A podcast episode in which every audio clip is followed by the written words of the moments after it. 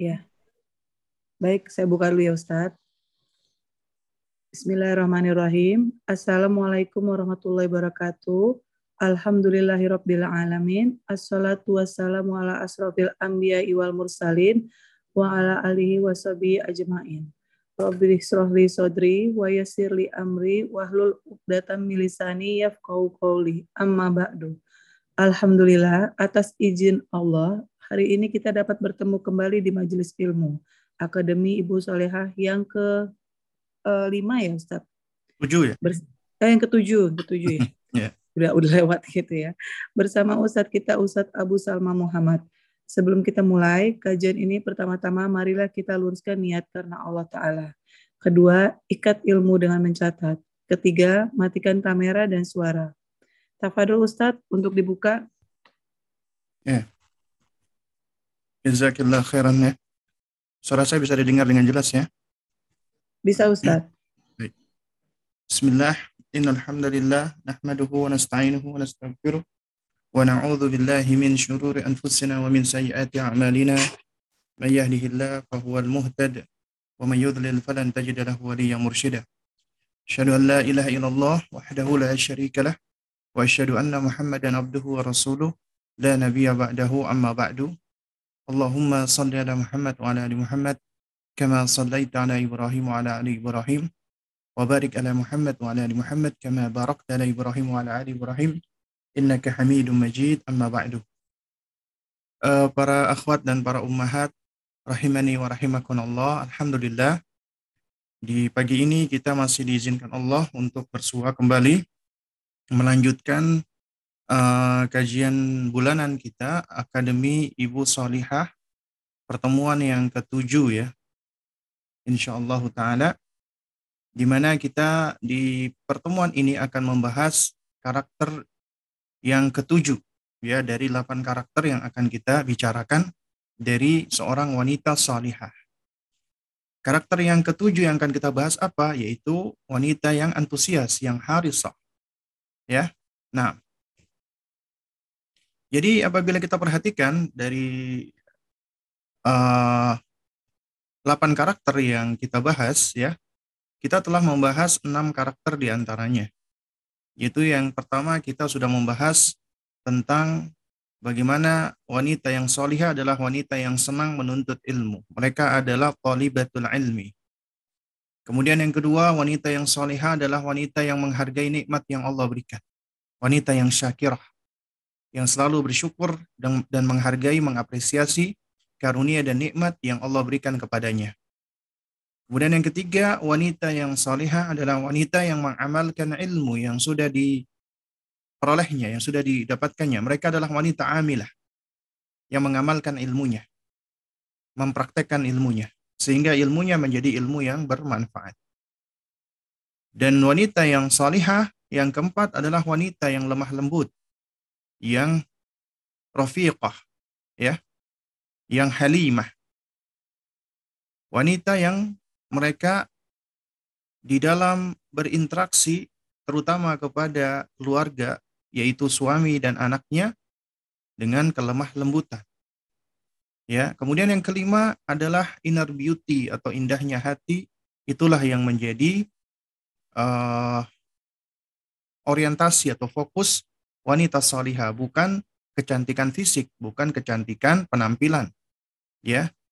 Itulah wanita yang jamilah, wanita yang cantik yang sebenarnya adalah wanita yang cantik hatinya, yang cantik perangainya, cantik akhlaknya. Bukan sekedar cantik fisiknya. Karena cantik fisik itu hanya sementara, casing belaka. Ya, namun kecantikan yang ada di dalam diri itulah yang akan langgeng, yang akan lebih menawan hati. Kemudian di bulan kemarin kita sudah membahas tentang wanita yang salihah, wanita yang hikmah, hakimah, wanita yang bijaksana. Nah sekarang kita masuk di karakter yang ketujuh menjelang karakter yang terakhir dari 8 karakter wanita yang kita pelajari pada uh, serial Akademi Ibu Solihah ini yang kita ambil dari akronim kata salihah, yaitu antusias dan memiliki semangat yang tinggi, wanita yang harisah. Baru nanti di pertemuan berikutnya adalah poin terakhir dari Akademi Ibu Salihah adalah wanita yang selalu mengiringi langkahnya dengan doa dan tawakal karena mereka adalah abidah ya karena mereka adalah seorang hamba Allah yang tugasnya adalah beribadah kepada Allah memasrahkan uh, dirinya kepada Allah Subhanahu wa taala. Nah, sekarang kita mempelajari dulu nih tentang wanita solihah karakter yang ketujuh adalah wanita yang antusias ya wanita yang semangat nah Jamaah sekalian yang dimuliakan Allah Subhanahu wa taala, ya. uh, sebelum kita masuk ya bahas tentang bagaimana sih wanita yang antusias atau wanita yang harisah itu ya. Kita perlu untuk uh, tahrirul mustalah sedikit saja agar kita memahami ya makna dari kata antusias itu apa gitu ya. Nah, Jadi kalau kita lihat ya kata antusias itu berasal dari bahasa Inggris ya sebenarnya. Entusias ya, artinya berminat atau bergairah ya. Passionate ya terhadap sesuatu. Jadi dia punya keinginan ya, lalu kemudian dia uh, bersemangat dan bergairah untuk meraih apa yang dia inginkan tadi ya. Dan antus antusiasme itu sejatinya adalah bagian dari energi kehidupan ya yang tertanam di dalam diri manusia. Dan energi inilah yang menyebabkan manusia itu mampu untuk terus melangkah dan maju tentunya dengan izin Allah Subhanahu wa taala. Ya. Karena dengan adanya antusiasme inilah manusia itu menjadi lebih dinamis dan hidupnya lebih berwarna dan lebih bermakna. Ya. Nah, oleh karena itu, antusiasme ini secara asal adalah suatu hal yang positif yang baik. Agama kita Islam, agama yang sangat memperhatikan tentang kebaikan atau kemaslahatan di dunia dan di akhirat. Dan kemaslahatan di dunia dan di akhirat itu harus diraih. Dan di antara kunci untuk meraihnya harus dengan semangat. Demikian pula ilmu, sebagaimana kata Imam Syafi'i rahimahullah yang sudah kita bahas di pertemuan yang lalu ya, ketika membahas tentang wanita penuntut ilmu, ilmu itu nggak akan diperoleh kecuali enam hal kata Imam Syafi'i. Ya akhi lan tanalal ilma illa bisittatin. Wahai saudaraku, engkau tidak akan meraih ilmu kecuali dengan enam hal. Ya, Imam Syafi'i mengatakan adzaki yang pertama kecerdasan, modal awal itu, modal awal, modal mendasar. Allah berikan kepada kita manusia itu kecerdasan. Sehingga dengan kecerdasan inilah kita bisa belajar, kita bisa meraih ilmu. Ya. Nah, baru yang kedua apa? Hirsun, semangat. Nah, jadi ternyata setelah kita punya modal nih, modal mendasar agar kita bisa mendapatkan ilmu harus diiringi dengan semangat, hirsun, antusiasme. Baru yang ketiga ijtihadun, kesungguhan. Semangat tidak diiringi dengan kesungguhan ya percuma. Baru kemudian yang keempat adalah bulghatun atau dirhamun, baru pakai modal harta. Pakai fulus. Ya, karena mencari ilmu juga harus bermodal. Jangan cuman pengen gratisan doang.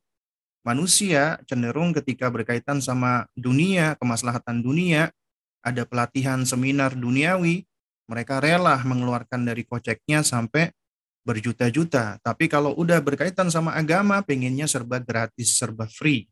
Padahal ilmu kata Imam Syafi'i harus diperoleh dengan cara ya bermodal gitu loh. Harus ada modal yang kita keluarkan. Ya, baru kemudian setelah itu adalah irsyadu ustadz di bawah bimbingan seorang ustadz atau guru agar dia tidak keliru di dalam memahami, agar tidak tersesat dan menyimpang. Baru kemudian yang terakhir adalah tulus zaman, waktu yang lama. Belajar nggak bisa singkat, nggak bisa sebentar. Waktu yang panjang sepanjang usia kita, maka kita terus belajar dan menuntut ilmu. Nah, dari sini kita bisa lihat nih ya, Imam Syafi'i rahimahullah menerangkan bahwasannya ya uh, agar kita bisa memperoleh ilmu itu uh, unsur yang kedua harus ada semangat. Ya. Dan ada dua kunci ini, dua unsur yang harus kita kita miliki ya, apa di dalam di dalam kita membangun atau memupuk antusiasme. Yang pertama, haruslah bermanfaat. Sesuatu yang kita raih itu harus bermanfaat. Nanti kita akan bahas nih. Yang kedua, harus dengan isti'anah, meminta pertolongan Allah. Karena sejauh dan sekuat apa pun kita, tetap kita lemah. Kita nggak bisa ya meraih semuanya. Karena apa pun yang kita lakukan, tetap kita bisa gagal. Ya, karena yang memberikan kita pertolongan, yang memberikan kita ke kekuatan dan kemampuan Allah, makanya kita dipinta untuk selalu beristianah. Ini sudah di dinasihatkan uh, oleh baginda Nabi yang mulia alaihi salatu wassalam. Beliau menerangkan al-mu'minul qawiyyu khairun wa ahabbu ila Allah minal mu'minil dhaif. Nah, ini luar biasa hadisnya Nabi ini. Seorang mukmin yang kuat khairun lebih baik wa ahabbu ila Allah dan lebih dicintai Allah minal mu'minil dhaif daripada seorang mukmin yang lemah. Jadi seorang mukmin yang kuat, ya nanti kita bahas kuat apa ini maksudnya, itu lebih baik dan lebih dicintai Allah daripada seorang mukmin yang lemah. Ya. Nah, kemudian wa fi kullin khairun. Dan sebenarnya masing-masing itu ya memiliki kebaikan atau berada di dalam apa kebaikan. Orang mukmin yang lemah tetap ada kebaikannya. Kebaikannya dia masih beriman. Ya. Dia punya iman. Makanya dikatakan wa fi kullin khairun. Tapi seorang mukmin yang kuat dia menghimpun setidaknya dua kebaikan. Kebaikan keimanan dan kebaikan kekuatan. Makanya itu lebih baik dan lebih dicintai Allah. Ya meskipun Nabi SAW tetap ya inilah di antara ya luar biasanya metode Nabi SAW di dalam apa membesarkan hati. Ya meskipun engkau lemah, engkau tetap punya kebaikan-kebaikan iman di situ. Ya karena itu yang paling mendasar. Kemudian baru Nabi SAW memberikan nasihat nih, memberikan semangat. Kata Nabi Shallallahu Alaihi Wasallam, ihris ala ma yanfa'uka. Bersemangatlah engkau, bersungguh-sungguhlah engkau, antusiaslah engkau, ala ma yanfa'uka. Nah ini kaidah ini pertama ini dari hadis Nabi. Bersemangatlah engkau kepada hal-hal yang bermanfaat untukmu, yang mendatangkan manfaat bagimu. Jadi hendaknya kita bersemangat di dalam perkara-perkara yang mendatangkan manfaat. Ya. Karena Nabi memerintahkan bersemangat ala fauka. Berarti di dalam hal yang tidak bermanfaat kita tinggalkan, jangan bersemangat. Kemudian yang kedua, wasta'in billah. Mintalah tolong kepada Allah karena meskipun kita bersungguh-sungguh dengan semangat kita, tetap kita butuh pertolongan Allah yang bisa membuat kita berhasil dan sukses Allah. Makanya diingatkan wasta'in billah. Mintalah tolong kepada Allah. Ya. Wala ta'jiz dan janganlah kamu bersikap lemah. Janganlah kamu bersik, bersikap ya lemas, letoy dan yang semisalnya. Karena seorang mukmin harus progresif, harus produktif, harus kuat, antusias, semangat di dalam menjalani kehidupan ini. Nah, dari hadis ini kita bisa mengambil pelajaran nih, yaitu seorang mukmin yang kuat itu dikatakan seorang mukmin yang memiliki uluwul himmah. Apa itu uluwul himmah? Uluwul himmah itu ulu artinya tinggi, himmah itu artinya uh, tujuan ya, keinginan, obsesi. Obsesi yang tinggi, keinginan yang mulia yang tinggi. Seorang mukmin yang kuat itu harus punya ya semangat yang tinggi. Maksud saya harus punya uh, himmah yang tinggi, obsesi yang tinggi. Ya. Karena tingginya obsesi itulah yang akan menjadikan kita untuk terus berupaya meraih hal tersebut. Dan itu yang akan menjadikan ya kita memiliki keinginan yang kuat. Keinginan yang kuat inilah yang akan menjadikan kita menjadi individu yang lebih kuat dengan izin Allah. Karena yang mukmin yang kuat, siapa itu? Yang pertama, adalah seorang mukmin yang kuat imannya. Para ulama ketika menerangkan hadis tadi, al-mu'min al-qawi, seorang mukmin yang kuat, itu yang dimaksudkan pertama kali adalah yang kuat imannya. Kenapa? Karena kata al-qawi disifatkan kepada seorang mukmin, ya manusia atau orang yang beriman. Jadi orang yang beriman yang kuat artinya orang yang beriman yang kuat di dalam keimanannya. Artinya imannya adalah iman yang tertancap kuat di dalam dirinya sehingga menjadi tangguh, kekar dan kuat, kuat imannya. Ya. Jadi yang pertama mukmin yang kuat adalah kuat yang kuat imannya. Kekuatan iman pada seseorang itu dipengaruhi dengan sejauh mana ilmunya dia kepada Allah. Ma'rifatu billah atau al-ilmu billah. Semakin besar ilmunya, semakin banyak ilmunya terhadap Allah, artinya mengenal Allah, ma'rifatullah, maka akan semakin besar ma'rifahnya, pengenalannya kepada Allah, semakin besar pula cintanya. Dan itu menjadi pondasi iman, akan semakin kuat imannya. Kemudian juga al-mu'min al-qawi yang dimaksud di sini adalah mukmin yang kuat fisiknya, jasmaninya, jasadnya, tubuhnya. Ya. Jadi mukmin yang kuat adalah orang yang tubuhnya kuat, fisiknya kuat, tangguh. Itu makna yang kedua. Makna yang ketiga adalah mukmin yang kuat tekad dan semangatnya. Jadi percuma kuat, kuat fisiknya tapi nggak punya tekad, nggak punya semangat. Karena betapa banyak orang-orang ototnya masya Allah besar. Ya kalau disuruh lari maraton ya lebih dari 40 kilo kuat, tapi disuruh melangkahkan kaki ke masjid jaraknya cuman ya nggak sampai satu kilo berat. Kenapa itu? Karena lemah imannya dan lemah tekad dan semangatnya meskipun kuat fisiknya. Karenanya kekuatan fisik itu bukanlah suatu hal yang paling penting. Tapi bukan artinya nggak penting, penting. Karena dengan kuat fisik itu bisa menjadikan seseorang itu dia lebih mampu untuk melakukan suatu amalan dengan lebih baik. Ya, karenanya harus diiringi dengan tekad dan semangat. Dan mukmin yang kuat, yang paling kuat mukmin yang menghimpun ketiga hal ini yaitu orang yang kuat imannya, kuat fisiknya, dan kuat semangat atau tekadnya. Ya. Dan hirs, semangat atau sungguh-sungguh atau antusiasme ya. Ya, jadi sebenarnya yang lebih tepat itu uh, hirs ini semangat ya, antusiasme. Itu hendaknya dilakukan di dalam perkara-perkara yang bermanfaat. Ya. Di dalam perkara-perkara yang bermanfaat, baik itu manfaat dunia dan manfaat akhirat. Ya, terutama manfaat akhirat. Dan kemudian juga harus bersemangat di dalam menjauhi perkara-perkara yang tidak bermanfaat dan malah bermadarat atau membahayakan. Ya, jadi harus semangat menjauhinya, bukan semangat mendekatinya. Dalam perkara yang bermanfaat, kita semangat mendekatinya. Di dalam perkara yang bermadarat, kita semangat di dalam menjauhinya. Dan kita selalu butuh pertolongan Allah. Makanya Nabi mengatakan, Fasta'in billah, mintalah tolong kepada Allah. Karena yang bisa memberikan pertolongan kepada kita agar kita bisa memilih yang bermanfaat, agar kita bisa mengamalkannya, agar kita bisa terus semangat adalah Allah. Makanya fasta'in billah, mintalah tolong kepada Allah. Kemudian kata Nabi, jangan lemah, jangan malas. Ya. Karena lemah malas ini adalah sifatnya orang-orang yang ya munafik. Sifatnya orang-orang yang lemah imannya, ya, termasuk munafikin adalah mereka suka bermalas-malasan. Apalagi di dalam beribadah.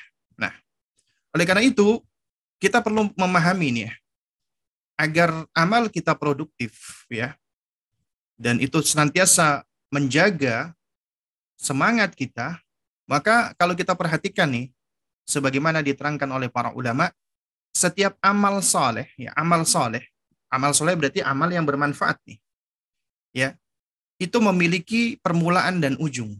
Ibaratnya ketika kita berlari, berjalan, itu mesti ada ada ada starting pointnya, langkah awalnya, ya garis startnya. Kemudian ada garis finishnya, ya finish line. Jadi setiap amal juga ada. Ada starting point, ada finish line. Ada permulaan, ada ujung, ada akhirnya. Semua amal soleh. Dan amal yang soleh ya starting pointnya adalah keimanan, ikhlas karena Allah, niat karena Allah. Yaitu setiap amal soleh diawali langkahnya, langkah pertama adalah dengan keikhlasan, dengan niat yang ikhlas karena Allah, dengan keimanan. Itu adalah langkah awal amal soleh. Kemudian ujungnya, finish line-nya adalah roja, ihtisab, mengharap, mengharap balasan dari Allah mengharap ridho Allah, cinta Allah, surga Allah, rahmat Allah. Itu ujungnya. Itulah yang kita ingin raih. Artinya, agar kita bersemangat, Berarti ketika kita hendak beramal, awali amal kita dengan ikhlas, dan kemudian ujung daripada amal kita adalah harapan mendapatkan ganjaran pahala, cinta, ridho, rahmat, pahala, dan bisa melihat wajah Allah Subhanahu wa taala. Contoh misalnya di dalam sejumlah hadis Nabi. Kita lihat misalnya hadis tentang berpuasa. Nabi mengatakan man shoma ramadhana. Shoma Ramadan. Ini artinya apa? Amal perbuatan. Amal soleh bukan ya, amal soleh. Ya, amal soleh. Ya, Man soma Ramadan. Siapa yang berpuasa Ramadan? Ya. Kemudian apa awal landasannya imanan? Keimanan. Apa ujungnya? Yaitu balasannya wahtisaban, yaitu mengharap balasan dari Allah. Atau hadis yang lain ya, yang banyak digunakan. Man kana yu'minu billahi wal yawmil akhir falyakul khairan aw liyasmut. Nah, ini sebenarnya yang jadi amal perbuatan adalah falyakul khairan aw liyasmut, yaitu berkata berkata benar ya berkata baik atau diam ya. Berkata baik atau diam. Nah jadi berkata baik atau diam.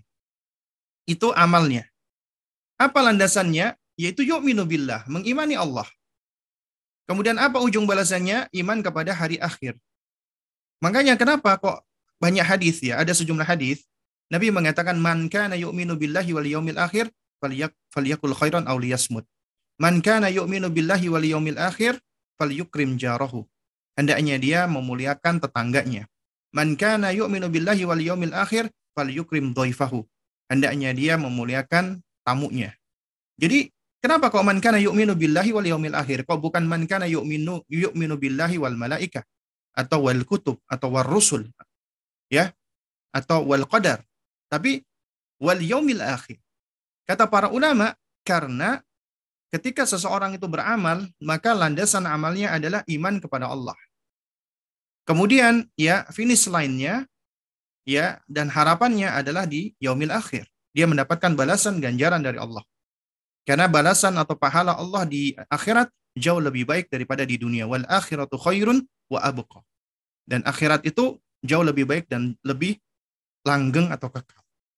Nah, ini adalah landasan kita ya agar kita bisa memahami ini tentang bagaimana caranya kita berantusias atau bersemangat. Nah, di sini ada sejumlah pijakan-pijakan penting nih agar kita bisa senantiasa terus menguatkan antusiasme kita. Yang pertama, hadirkan selalu niat lillahi wa fillah. Di dalam semua amalan, pijakan awalnya, ya starting pointnya, ya itu adalah dengan niat lillahi wa fillah. Kenapa ini konsekuensi dari la ilaha illallah? Konsekuensi dari la ilaha illallah. Ya. Ketika kita mengucapkan la ilaha illallah artinya tidak ada sesembahan yang hak kecuali Allah, berarti aku jadikan Allah sebagai tujuanku. Ya. Di dalam beramal dan dan aku jadikan Allah Subhanahu wa taala itu sebagai alasanku untuk aku beraktivitas. Aku melakukannya karena Allah dan di jalan Allah. Dan aku menjadikan Allah sebagai al-ma'bud, ya, sesembahan yang hak, yang tidak ada yang benar, kecuali dia Allah subhanahu wa ta'ala. Ya, nah. Kemudian, di dalam amal yang soleh, berarti kalau dikatakan amal soleh ya, berarti dia amalnya, berarti amal yang sesuai dengan tuntunan Nabi ya, ada ada dalilnya ya yaitu harus kita iringi dengan isti'anah. Apa itu isti'anah? Meminta tolong kepada Allah. Makanya di dalam surat Al-Fatihah kita sering sering kali mengucapkan iya karena abudu wa iya karena. Ya Allah hanya kepadamu lah kami beribadah dan hanya hanya kepadamu lah kami memohon pertolongan. Ibadah itu haknya Allah. Yang hanya boleh kita pinta kepada Allah. Adapun isti'anah hanya kita pinta kepada Allah tapi itu akan menjadi haknya kita hamba. Karena siapa yang beribadah kepada Allah, Allah akan berikan pertolongan. Allah akan berikan bantuan di dalam menghadapi kehidupan kita agar kita sukses dunia akhirat. Makanya kita beristianah meminta tolong kepada Allah. Ya. Dan ini adalah penghancur kesombongan, penghancur arogansi, penghancur kecongkakan. Karena Dengan isti'anah kita sadar kita lemah. Kita dhaif, kita fakir, kita miskin, kita selalu butuh dengan Allah. Ya, itu akan menghancurkan kesombongan hamba. Karenanya isti'anah itu merupakan konsekuensi dari kalimat hauqalah. La haula wa la quwata illa billah. Tidak ada daya, tidak ada kekuatan kecuali dengan pertolongan Allah Subhanahu wa taala. Ya. Karenanya kita perhatikan nih. Ketika muadzin berkumandang, kita diajarkan Nabi untuk mengikuti ucapan muadzin. Allahu akbar, Allahu akbar. Kita juga mengucapkan Allahu akbar, Allahu akbar. Asyhadu an la ilaha illallah. Kita juga sama asyhadu an la ilaha illallah. Asyhadu anna Muhammadar Rasulullah. Kita juga mengucapkan asyhadu anna Muhammad Rasulullah. Tapi ketika muadzin mengajak hayya 'alas kita tidak mengucapkan kata yang sama. Hayya 'alal falah, kita juga tidak mengucapkan kata yang sama. Tapi kita mengucapkan la haula wala quwata illa billah. Karena ketika kita dipanggil Ayo mari kita sholat. Ayo mari kita menuju kemenangan, yaitu kemenangan setelah kita melakukan sholat. Itu semua nggak akan bisa kita lakukan tanpa pertolongan Allah. Karenanya kita mengucapkan la haula wa la quwata illa billah. Tidak ada daya dan tidak ada kekuatan kecuali dengan pertolongan Allah. Artinya ketika aku menyambut panggilan Allah, aku sholat, aku melangkahkan kakiku menuju ke masjid, ya kemudian aku mengambil air wudhu, kemudian aku menghadirkan niat dan aku bertakbiratul ihram, aku menghadap kepada Allah, itu semua tak akan mungkin bisa aku lakukan tanpa pertolongan Allah. Tanpa taufik dari Allah, tanpa hidayah dari Allah, tanpa kemudahan dari Allah. Semuanya itu karena Allah yang menolong kita, membantu kita. Karenanya kita nggak boleh sombong, kita nggak boleh congkak, nggak boleh arogan, Seakan-akan ketika kita beramal itu semua adalah lantaran kita yang hebat, kita yang kuat. Ya, tidak. Itu semua adalah karena pertolongan Allah. Kita dipilih oleh Allah di antara hamba-hambanya yang Allah berikan kebaikan, yang Allah berikan pertolongan sehingga kita bisa beramal saleh. Ya. La haula wa la quwata illa billah. Nah, kemudian juga ya sibukkan dengan yang bermanfaat. Karena apabila kita disibukkan dengan yang tidak bermanfaat, maka kita akan sibuk dengan kesia-siaan, bahkan kita bisa sibuk dengan keharaman. Ya sebagaimana dikatakan oleh salah seorang ulama salaf, wa nafsuka in ha bil haqqi wa illa ish wa illa ishtaghallatka bil batil. Jiwamu ya apabila tidak disibukkan dengan kebenaran, maka akan disibukkan dengan kebatilan. Ya. Dirimu apabila tidak disibukkan dengan hal-hal yang bermanfaat, maka akan sibuk dengan hal-hal yang sia-sia. Yang berbahaya lagi apabila sibuk dengan yang mador, yang dosa dan maksiat. Kemudian di dalam um, apa namanya di dalam membangun antusiasme adalah harus kita mengawali dari diri kita. Artinya kita harus selalu ya mengawali dari diri kita. Ibda binatsik. Maka dengan demikian kita akan bisa menjadi teladan kebaikan. Dan menjadi teladan kebaikan itu akan turut membantu memotivasi kita untuk terus bersemangat. Kenapa? Karena dengan menjadi teladan kebaikan, kita akan mendapatkan kebaikan-kebaikan dari Allah. Sebagaimana kata Nabi SAW, Man dalla ala khairin falahu ajru ya itli fa'ili. Siapa yang menunjukkan kepada kebaikan, maka dia akan mendapatkan balasan ya yaitu balasan berupa pahala dari orang yang melakukan kebaikan yang kita contohkan tadi. Dan itu akan semakin mendorong kita untuk terus bersemangat. Ya makanya ihris ala fauka semangat atas apa-apa yang membuatmu ya mendapatkan kemanfaatan. Kemudian terus berikhtiar. Terus berusaha mansara ala darbi wasalah. Siapa yang berjalan di atas jalannya, insya Allah dia akan tiba, dia akan sampai. Asalkan kita terus melangkah, asalkan kita terus berusaha dan berupaya. Selama Allah masih berikan kita nafas yang bisa kita hirup, ya, dan selama Allah masih memberikan kesempatan jantung kita berdetak, kemudian nadi kita juga masih berdenyut, darah kita masih mengalir, maka Allah masih memberikan kita kesempatan untuk bisa beramal baik. Allah masih memberikan kita kesempatan agar kita masih bisa ya mengumpulkan pundi-pundi kebaikan sebagai modal kita ketika kita di hari akhir. Karenanya kita perlu untuk selalu bersabar. Karena sabar itu kunci keberhasilan. Tanpa sabar, maka kita akan menghadapi kegagalan. Man Siapa yang sabar, kelak dia akan berhasil, akan sukses. Karena tidak ada kemenangan tanpa kesabaran. Inna ma'al usri yusra. Ya, karena sesungguhnya setelah kesulitan ada kemudahan, ya. Dan apa namanya? Inna ya. Apa namanya? Dan sesungguhnya uh, bersama dengan kemenangan itu ya uh, bersama dengan kesabaran itu ada kemenangan ya. Nah, tapi jangan lupa berdoa kepada Allah. Dan Allah, Rabb kita yang begitu maha baiknya, Udu'uni astajib lakum. Mintalah kepadaku, aku akan kabulkan kepadamu. Ya. Baik, di sini ada beberapa kiat agar kita bisa tetap terus semangat dan antusias. Ya. Jadi kiatnya banyak ya, tapi ini tujuh di antaranya. Yang pertama, kiat yang pertama adalah luruskan niat karena Allah. Ini udah menjadi kaidah yang mendasar, ya. Karena segala sesuatu apabila kita lakukan karena Allah, insya Allah akan langgeng. Sebagaimana kata para ulama, salaf terdahulu, maka nalillahi yabqa. Segala sesuatu yang dilakukan karena Allah akan langgeng, akan ya akan lebih awet ya. Dan Allah Subhanahu wa taala berfirman dalam surat Al-Bayyinah, "Wa ma umiru illa liya'budullaha mukhlishina lahud hunafa."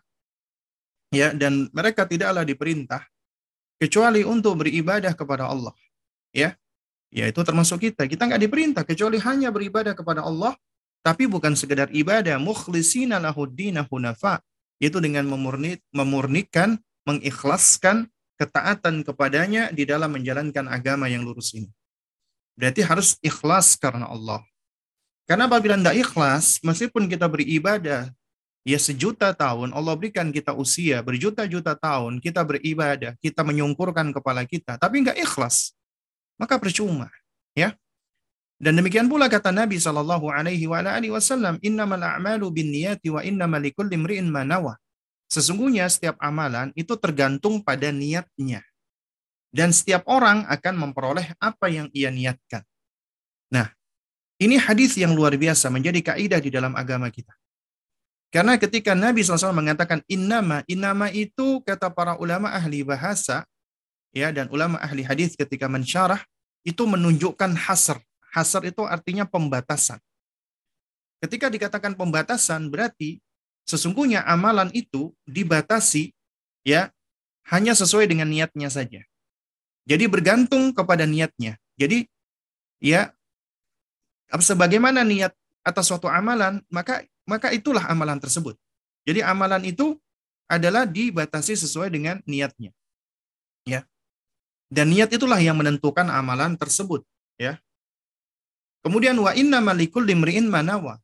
Dan sesungguhnya likulli imriin ya bagi setiap orang manawa atas apa yang ia yang yang ia niatkan. Artinya kita ini akan memperoleh sesuai dengan apa yang kita niatkan.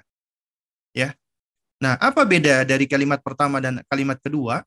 Kalimat yang pertama itu menjelaskan dulu tentang amalan tersebut. Eh, amalan ya, amalan tersebut itu adalah dibatasi ya sesuai dengan niat.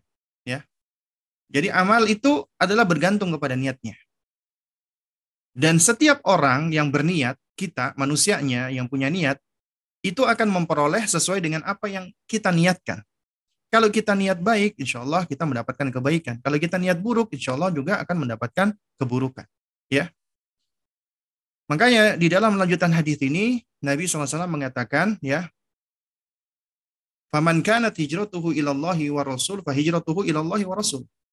Siapa yang hijrahnya karena Allah dan Rasulnya, maka hijrahnya adalah demikian karena Allah dan Rasulnya. Ya.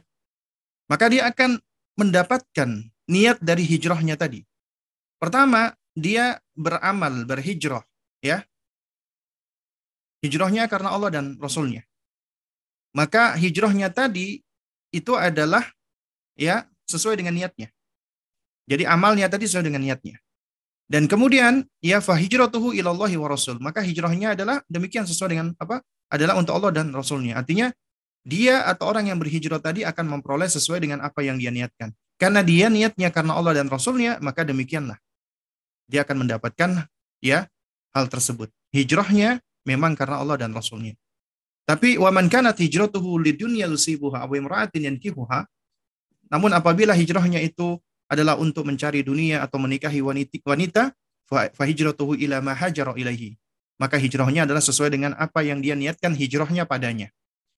Kalau kita perhatikan nih, kalimat pertama tadi, Nabi menyebutkan ketika ya ketika apa namanya? hijratuhu ilallahi wa rasul itu diulang ya diulang oleh oleh Nabi ya. Kalau kita perhatikan coba ya. Wa man kanat hijratuhu ilallahi wa rasul Siapa yang niat hijrahnya karena Allah dan Rasulnya, fa hijratuhu ilallahi wa rasul. Maka hijrahnya adalah untuk Allah dan Rasulnya. Diulang oleh oleh Nabi. Kata, ya hijratuhu ilallah wa rasul. Ini menunjukkan apa? Pengulangan ini menunjukkan adanya keistimewaan. Ya, keistimewaan niat karena Allah dan dan Rasul. Sementara ketika orang itu berniat di dunia yusibuha aw imra'atin yankihuha, berniat untuk uh, dunia atau untuk apa namanya untuk menikahi wanita, Nabi nggak mengulangi dua kata ini. Tapi Nabi langsung mengatakan fahijratuhu ila ma ilaihi. Nabi enggan untuk mengulangi kata ini. Ini menunjukkan apa? Menunjukkan ini niat yang rendah, niat yang hina. Sehingga Nabi enggan untuk mengulangi kata tersebut. Ya, sebagai bentuk balasan. Makanya Nabi mengatakan ya fahijratuhu ila ma ilaihi ya. Jadi jadi Nabi enggan untuk untuk mengulangi kata tersebut. Tapi beda dengan Nabi ketika menyebutkan ya hijrahnya ilallah war rasul itu diulangi oleh oleh Nabi. Itu menunjukkan apa? Memang ini suatu hal yang mulia sehingga Nabi mau mengulanginya. Nah, dari sini sebenarnya apabila kita perhatikan jamaah sekalian menggunakan Allah Subhanahu wa taala ya. Jadi uh, dengan niat itulah apalagi niat yang mulia, maka Allah akan mengangkat orang tersebut. Ya. Sebagaimana dikatakan Imam Ahmad ya ketika berbicara tentang keikhlasan maka beliau mengatakan wa bihadza irtafa'al qaum. Ya. Maka dengan keikhlasan inilah ya suatu kaum akan terangkat derajatnya dan kemuliaannya. Ya, akan terangkat derajat dan kemuliaannya. Ya. Nah, karena itu makanya juga dikatakan wa innama ya yanalul mar'u ya ghayatahu ala qadri ikhlasihi.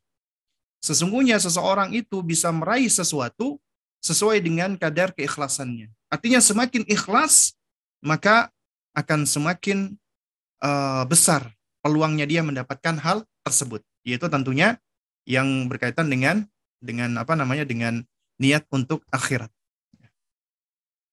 Jadi yang perlu kita perhatikan bersama adalah apa? Adalah uh, segala sesuatu yang dilakukan karena Allah maka akan langgeng. Dan inilah yang menjadi ya uh, starting line ya, starting point kita. Keikhlasan. Ya. Dan kemudian keikhlasan ini juga harus terus dipelihara, dijaga. Ya artinya uh, apa namanya jangan sampai berpaling ya. Dan ini memang suatu hal yang yang berat.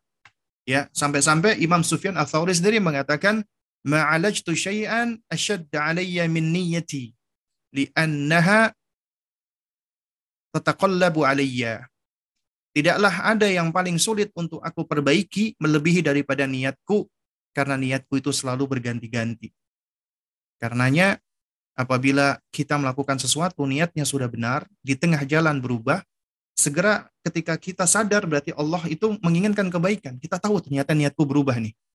Berarti langsung segera luruskan kembali niat kita. Beristighfar kepada Allah, kemudian kita kembalikan niat kita ke niat yang awal. Ya. Dan ini harus terus, makanya perlu yang namanya tajdidun niyah, memperbaharui niat. Karena niat kita itu sering kali berubah-ubah. Dan inilah ujian kita manusia. Dan inilah yang dapat menjadikan kita terus antusias atau tidak. Karena orang akan kehilangan antusiasmenya manakala dia berpaling dari niatnya. Nah, kemudian kiat yang kedua, yaitu pastikan apa yang kita kerjakan itu bermanfaat. Ya, karena apabila itu bermanfaat, pasti akan memberikan manfaat untuk kita. Ketahuilah amalan itu ada tiga macam. Pertama, amal yang bermanfaat. Maka ini dianjurkan. Ya bahkan di, ada sebagian yang diwajibkan. Karena semua ibadah yang diterangkan di dalam Islam, di dalam apa di dalam Al-Quran dan Sunnah pasti bermanfaat. Pasti bermanfaat. Makanya dia diwajibkan atau setidaknya dianjurkan. Maka dengan kemanfaatan inilah ya itu seharusnya yang mendorong kita untuk selalu senantiasa bersemangat di dalam mengamalkannya. Yang kedua, amal yang tidak bermanfaat, yang bahkan bermadarat. Yang nggak ada manfaatnya, bahkan mendatangkan bahaya, maka dilarang. Ya. Jadi amalan seperti ini adalah amalan yang harus dijauhi. Kita harus bersemangat meninggalkannya, bukan semangat melakukannya. Kemudian ada amalan yang tidak bermanfaat dan tidak juga bermadarat. Maka ini amalan secara asal mubah, boleh. Tapi nggak boleh berlebihan. Apabila berlebihan menjadi makruh. Ya, Bahkan bisa mendekati kepada keharaman apabila sampai melalaikan. Nah, oleh karena itu hendaknya kita bersemangat di dalam perkara-perkara yang bermanfaat. Makanya Nabi mengatakan ihris ma yanfa'uka. Bersemangatlah engkau kepada perkara-perkara yang memberikanmu manfaat. Dan kemanfaatan yang paling utama bagi seorang mukmin adalah manfaat untuk akhirat. Sehingga hendaknya dia letakkan ya sebagai garis finishnya itu adalah akhirat obsesinya, ambisinya adalah untuk akhirat. Sebagaimana sabda Nabi Shallallahu Alaihi Wasallam yang menerangkan bagi mereka-mereka yang menjadikan akhirat sebagai obsesinya dan ambisinya, man kanatil akhiratu hammahu. Siapa yang menjadikan obsesinya, ambisinya adalah untuk menggapai akhirat, ja'alallahu ghinahu fi qalbihi. Maka Allah akan menjadikan hatinya penuh dengan kecukupan. Allah akan menjadikan dia kaya dengan hatinya. Ya. Jadi yang pertama apa yang Allah berikan kalau orang itu obsesinya akhirat dijadikan kaya ah, hatinya itu kona. Hatinya itu selalu merasa cukup. Hatinya itu kaya. Itulah sebenar-benarnya kekayaan, kekayaan hati. Ginaul qalbi. Ya. Bukan cuma diberikan kekayaan hati, wa ja'amalahu syamlahu. Ya. Apa namanya? Jadi dia pun akan apa? Dia pun akan bisa yang tadinya sesuatu itu tercerai-berai itu bisa bersatu, berhimpun. Artinya Allah akan menghimpun ya segala urusan dia. Yang tadinya dia nggak fokus, yang tadinya dia confused, yang tadinya dia bingung, tapi karena ambisinya akhirat, maka semua kebingungan-kebingungan atas perkaranya Allah Allah satukan, Allah jadikan satu keinginan apa keinginannya dia. Ya. Kemudian wa'atathu dunya wa hiya dan dunia pun akan datang kepadanya meskipun dunia itu hina dan tunduk kepadanya. Artinya, siapa yang tujuannya akhirat, ya dia akan mendapatkan kekayaan hati, kemudian urusannya pun juga akan lebih mudah karena Allah himpun semua urusannya dan dia juga akan mendapatkan dunia sementara dia tidak berambisi kepada dunia tapi dunia datang kepadanya dalam keadaan tunduk kepada manusia ini, kepada hamba ini. Manu, apa apa dunia yang yang datang? Ya, Sementara waman kana dunya hammahu. Siapa yang niatnya, obsesinya, ambisinya adalah untuk dunia. Niatnya dunia. Ya, ja'alallahu faqrahu baina ainaihi. Maka Allah akan jadikan apa namanya kefakiran di antara kedua matanya. Artinya semua yang dia lihat adalah nggak cukup, fakir. Dia akan selalu merasa tidak puas. Ya, dalam artian dia akan selalu merasa tamak karena ketamakan itu dia merasa nggak cukup. Ya. Dan itu akan melahirkan kegelisahan. Wa alaihi syamlahu. Dan Allah akan mencerai beraikan urusannya. Allah akan jadikan dia menjadi semakin bingung, semakin confused, semakin gelisah, semakin gak tenang, semakin gak nyaman. Walam ya'tihi minad dunya illa ma lahu. Dan dia nggak akan memperoleh dunia kecuali apa yang sudah Allah tetapkan. Artinya semua sesuai dengan apa yang Allah tetapkan. Sengoyong-ngoyongnya manusia, tetap dia akan memperoleh apa yang Allah tetapkan. Hadis ini adalah hadis yang istimewa. Hadis yang mengajarkan kepada kita ya terutama ketika kita menjadi orang tua nih. Ya betapa banyak orang tua menjadikan anaknya itu sebagai obsesi dirinya, obsesi orang tua, ya. Apalagi untuk hal-hal yang sifatnya dunia. Ya untuk sifatnya dunia. Kemudian dia jadikan anaknya sebagai dokter, insinyur atau yang semisalnya, ya. Kemudian apa yang terjadi? Yang terjadi adalah ya anaknya malah semakin menjauh dari dirinya. Kemudian boleh nggak Ustadz menjadikan anak itu sebagai obsesi orang tua untuk untuk akhiratnya? Maka ada perinciannya.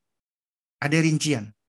Apabila obsesinya dia terhadap anak dalam urusan akhirat dan dia lakukan itu dengan hikmah, dengan ilmu, tidak dengan paksaan, tidak dengan sekedar nakut-nakuti atau ancaman, ya maka tentunya ini baik dan ini benar.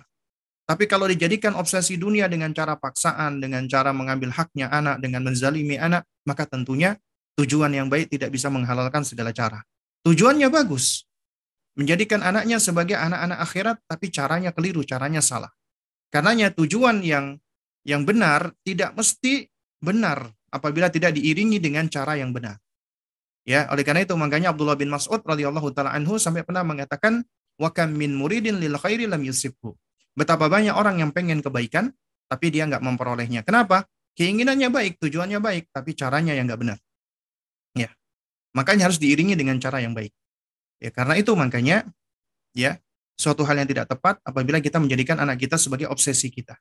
Yang tepat adalah kita jadikan anak kita itu adalah sebagai hamba Allah sesuai dengan apa yang Allah berikan kepada mereka. Tugas kita adalah ya mendidik, mendampingi, ya kemudian membimbing, mengarahkan, membersamai dan seterusnya. Ya. Dan ini juga sama. Ya. Contoh misalnya ya, ada seorang ini yang dia uh, taruhlah menjadi guru, ya guru, guru tahfid. Kalau misalnya dia tujuannya atau niatnya dunia untuk dapat maisha, dapat harta, ya maka jadi guru tahfid itu bukanlah profesi yang bisa mendatangkan harta. Yang terjadi apabila tujuannya demikian, dia nggak dapat akhirat, nggak dapat pahala. Kenapa tujuan dia ngajar anak-anak ini adalah karena dunia, bukan karena Allah, bukan karena akhirat, ya, bukan mendapatkan balasan akhirat. Kemudian yang kedua juga dia nggak dapat dunia, ya, dia cuma dapat ya gajinya seperti itu itu aja gitu loh. Tapi kalau dia niatnya karena Allah, ikhlas ingin mendidik anak-anak kaum muslimin untuk menjadi penghafal Al-Qur'an, maka dia dapat di akhirat, tentunya di akhirat balasannya lebih baik, dan dia di dunia juga dapat. Dan dia merasa cukup dengannya. Kenapa? Karena Allah jadikan hatinya selalu merasa qanaah, cukup dengan pemberian Allah, dan itu akan membangun ketakwaan, dan ketakwaan itu pun juga akan mendatangkan rezeki yang tidak disangka-sangka. Wa may yattaqillah yaj'al makhraja wa yarzuqhu min haitsu. Siapa yang bertakwa kepada Allah, Allah akan berikan jalan keluar dari dari problematikanya dan Allah akan berikan dia rezeki dari jalan yang tidak disangka-sangkanya. Perhatikan tuh. Karena obsesi niat saja itu bisa menjadi penentu. Ya. Nah. Kemudian yang berikutnya adalah hendaknya kita berteman, bersahabat dengan orang-orang yang semangat, yang baik. Kalau kita berteman dengan orang yang malas, kita ikut malas. Kita berteman orang-orang yang suka apa rebahan, ya ketemu sama umahat, kumpul, semuanya serba rebahan, buka gadget, kita akan menjadi komunitas apa rebahan. Tapi kalau kita bertemu dengan umahat yang semangat, antusias ketika ketemu, beraktivitas, belajar masak bareng, belajar ngaji bareng, belajar apa bareng gitu sama-sama. Jadi kita akan terpengaruhi. Kenapa sahibu sahib ya? Sahabat itu penyeret, sama-sama saling mempengaruhi. Allah Subhanahu wa taala memerintahkan kita untuk berteman dengan teman-teman yang baik. Makanya Allah berfirman, "Wasbir nafsaka ma'al ladzina yad'una rabbahum bil ghadati wal 'ashyi yuriduna wajha." Ya, sabarkanlah dirimu ma'al ladzina bersama dengan orang-orang. Artinya, hendaknya engkau bersabar bareng-bareng sama orang-orang yang selalu yad'una rabbahum. Berdoa kepada Allah bil ghadati wal 'ashyi di waktu pagi dan waktu petang yuriduna wajha dan mereka menginginkan wajah Allah. Mereka orang yang ikhlas. Artinya orang-orang yang mereka senantiasa ya berdoa, berzikir, terutama zikir pagi dan petang ya kita berteman dengan mereka, maka kita akan juga sama akan terkena pengaruhnya. Kemudian juga Allah berfirman, Ya ayuhalladzina amanu ittaqullaha wa kunu ma'as sadiqin. Wahai orang-orang yang beriman, bertakwalah kalian kepada Allah dan hendaknya kamu bareng-bareng bersama dengan orang-orang yang jujur, orang-orang yang benar. Ya. Kita diperintahkan untuk bersama orang-orang yang sadik. Ya, untuk orang-orang yang jujur. Karena kenapa? Karena kebersamaan kita dengan mereka akan mempengaruhi kita secara positif. Ya. Makanya Nabi mengatakan la tusahib illa mu'minan. Janganlah kamu bersahabat kecuali dengan orang-orang beriman. Ya. Karena sangat mempengaruhi sekali ya ketika kita berkawan atau berteman dengan seseorang, ya. Nah, kemudian yang berikutnya kiat keempat adalah ketika beramal hendaknya kita pertengahan, tidak terlalu ngoyo berlebihan, takallufan dan juga tidak terlalu meremehkan, mengentengkan. Ya, tapi pertengahan. Dan yang paling penting itu rutin, continue meskipun sedikit. Ya, karena bukanlah yang dipandang itu sekedar kuantitas, tapi juga kualitas. Ya, makanya Nabi SAW mengatakan wa inna ahabbal a'mali ilallahi madama wa in qalla. Sesungguhnya amalan yang paling dicintai Allah itu yang rutin walaupun jumlahnya sedikit. Ya, manusia itu sering kali mereka tergesa-gesa. Mereka pengen ketika baru hijrah nih misalnya, baru belajar, semua pengen dipelajari. Pengen cepat dalam waktu yang singkat. Padahal kemampuan kita tidak mampu mengiringi ya semangat kita tadi itu. Ya, Akhirnya semangat yang terlalu menggebu-gebu ini, itulah yang menjadi bencana menyebabkan akhirnya kita pun futur. Karena apa? Karena ternyata kita lelah, kita capek, kita bosan. Itulah manusia. Manusia itu mudah sekali untuk bosan. Tapi kalau kita melakukannya dengan pelan-pelan, sedikit-sedikit ya, ya, dengan dengan tetap enjoy, enjoy the process, kita menikmati prosesnya, nggak perlu kita tergesa-gesa, nggak perlu kita cepet-cepetan. Yang penting adalah kita memahami, ya. Yang penting adalah kita uh, ngerti gitu loh, bukan uh, sekedar kita mengoleksi ilmu bukan, karena ilmu bukan untuk sekedar dikoleksi, tapi ilmu adalah untuk dipraktekkan, untuk diamalkan agar bisa menjadi buah dari amal kita, bisa menjadi akhlak kita, menjadi perlakuan kita. Makanya Nabi mengatakan wa inna ahabbal a'mal sesungguhnya amalan yang paling dicintai ilallah oleh Allah madama yang continue ya wa in qalla meskipun sedikit. Lebih baik kita sholat ya malam cuman witir doang satu rakaat tapi kita lakukan setiap malam daripada kita sholat hari ini 23 rakaat, besok 11 rakaat, besok 5 rakaat, besok enggak sholat. Ya. Jadi lebih baik sedikit tapi continue. Ya. Dan dengan demikian, dengan kontinuitas ini akan membangun habit. Kemudian kita bisa tambah. Ya, demikianlah manusia itu ketika membangun kebiasaan, itu memang diawali dengan sesuatu yang perlu dibiasakan itu tidak dengan uh, memilih yang berat, tapi yang ringan-ringan dulu, yang mudah-mudah dulu yang mudah bisa dikerjakan, kemudian dibiasakan. Karena pembiasaan ini saja udah effort ya, upaya yang nggak mudah. Nah, ketika sudah sudah menjadi ada, sudah menjadi habit, maka akan akan menjadi suatu hal yang sulit terpisahkan dari kita. Karena itu sudah menjadi habit kita. Nah, juga demikian dari Abdullah bin Amr bin Asir radhiyallahu taala anhumah. Nabi pernah berkata kepada beliau, "Ya Abdullah, wahai Abdullah, la takun mithla fulan." Janganlah kamu seperti si fulan. Ya, ini menunjukkan bagaimana Nabi ketika memberikan nasihat, ya Nabi itu ingin memberikan pelajaran nih, ya. Tapi Nabi tetap menjaga kehormatan orang tersebut. Nggak disebut namanya, cuma disebut fulan. Ya, kamu jangan seperti fulan. Ya itu nggak nggak penting dia itu siapa. Yang penting ya ada orang seperti ini, kamu jangan ikutin seperti dia. Kenapa? Karena yakumul laila fataraka qiyamal laili. Ya. Dulu dia biasa mengerjakan sholat malam, namun sekarang dia udah nggak pernah ngerjain lagi. Ya dulu biasa dia sholat malam, qiyamul lail. Tapi sekarang udah nggak pernah gitu loh. Ya sama. Misalnya ada ada seorang akhwat ya, kita ingin ngasih nasihat ya. Kalau bisa ukti jangan seperti ada saudari-saudari kita yang dulu biasa ngaji, biasa hadir, sekarang udah nggak pernah ngaji ya. Nah, yang yang penting itu nasihatnya, jangan malah kepo. Afwan Ustazah, emangnya siapa si fulanah itu? Aku boleh tahu nggak? Nah itu itu malah gak ada manfaatnya. Ya mengetahui orang yang melakukan seperti gak ada manfaatnya. Malah yang terjadi nanti malah kita cenderung meremehkan dia, mendiskreditkan dia, menghina dia, malah kita jatuh kepada kemaksiatan. Itu malah membuat kita malah semakin mundur surut ke belakang. Yang penting nasihatnya jangan seperti fulana dulu semangat oh iya berarti aku ngambil ngambil pelajaran nih aku nggak boleh mundur ke belakang. Aku nggak boleh seperti ini. Berarti aku harus terus semangat. Berarti minta tolong kepada Allah. Seharusnya demikian. Ya. Dan sedikit tapi terus-terusan lebih baik daripada banyak tapi sebentar. Nah, kemudian kiat yang kelima, ini juga penting banget nih. Karena sering kali kita itu patah semangat, patah aral.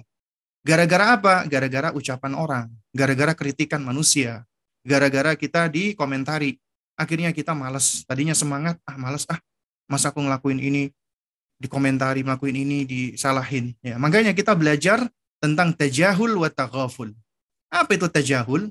Tajahul itu artinya pura-pura nggak tahu, nggak ambil pusing atau masa bodoh dengan perkataan orang.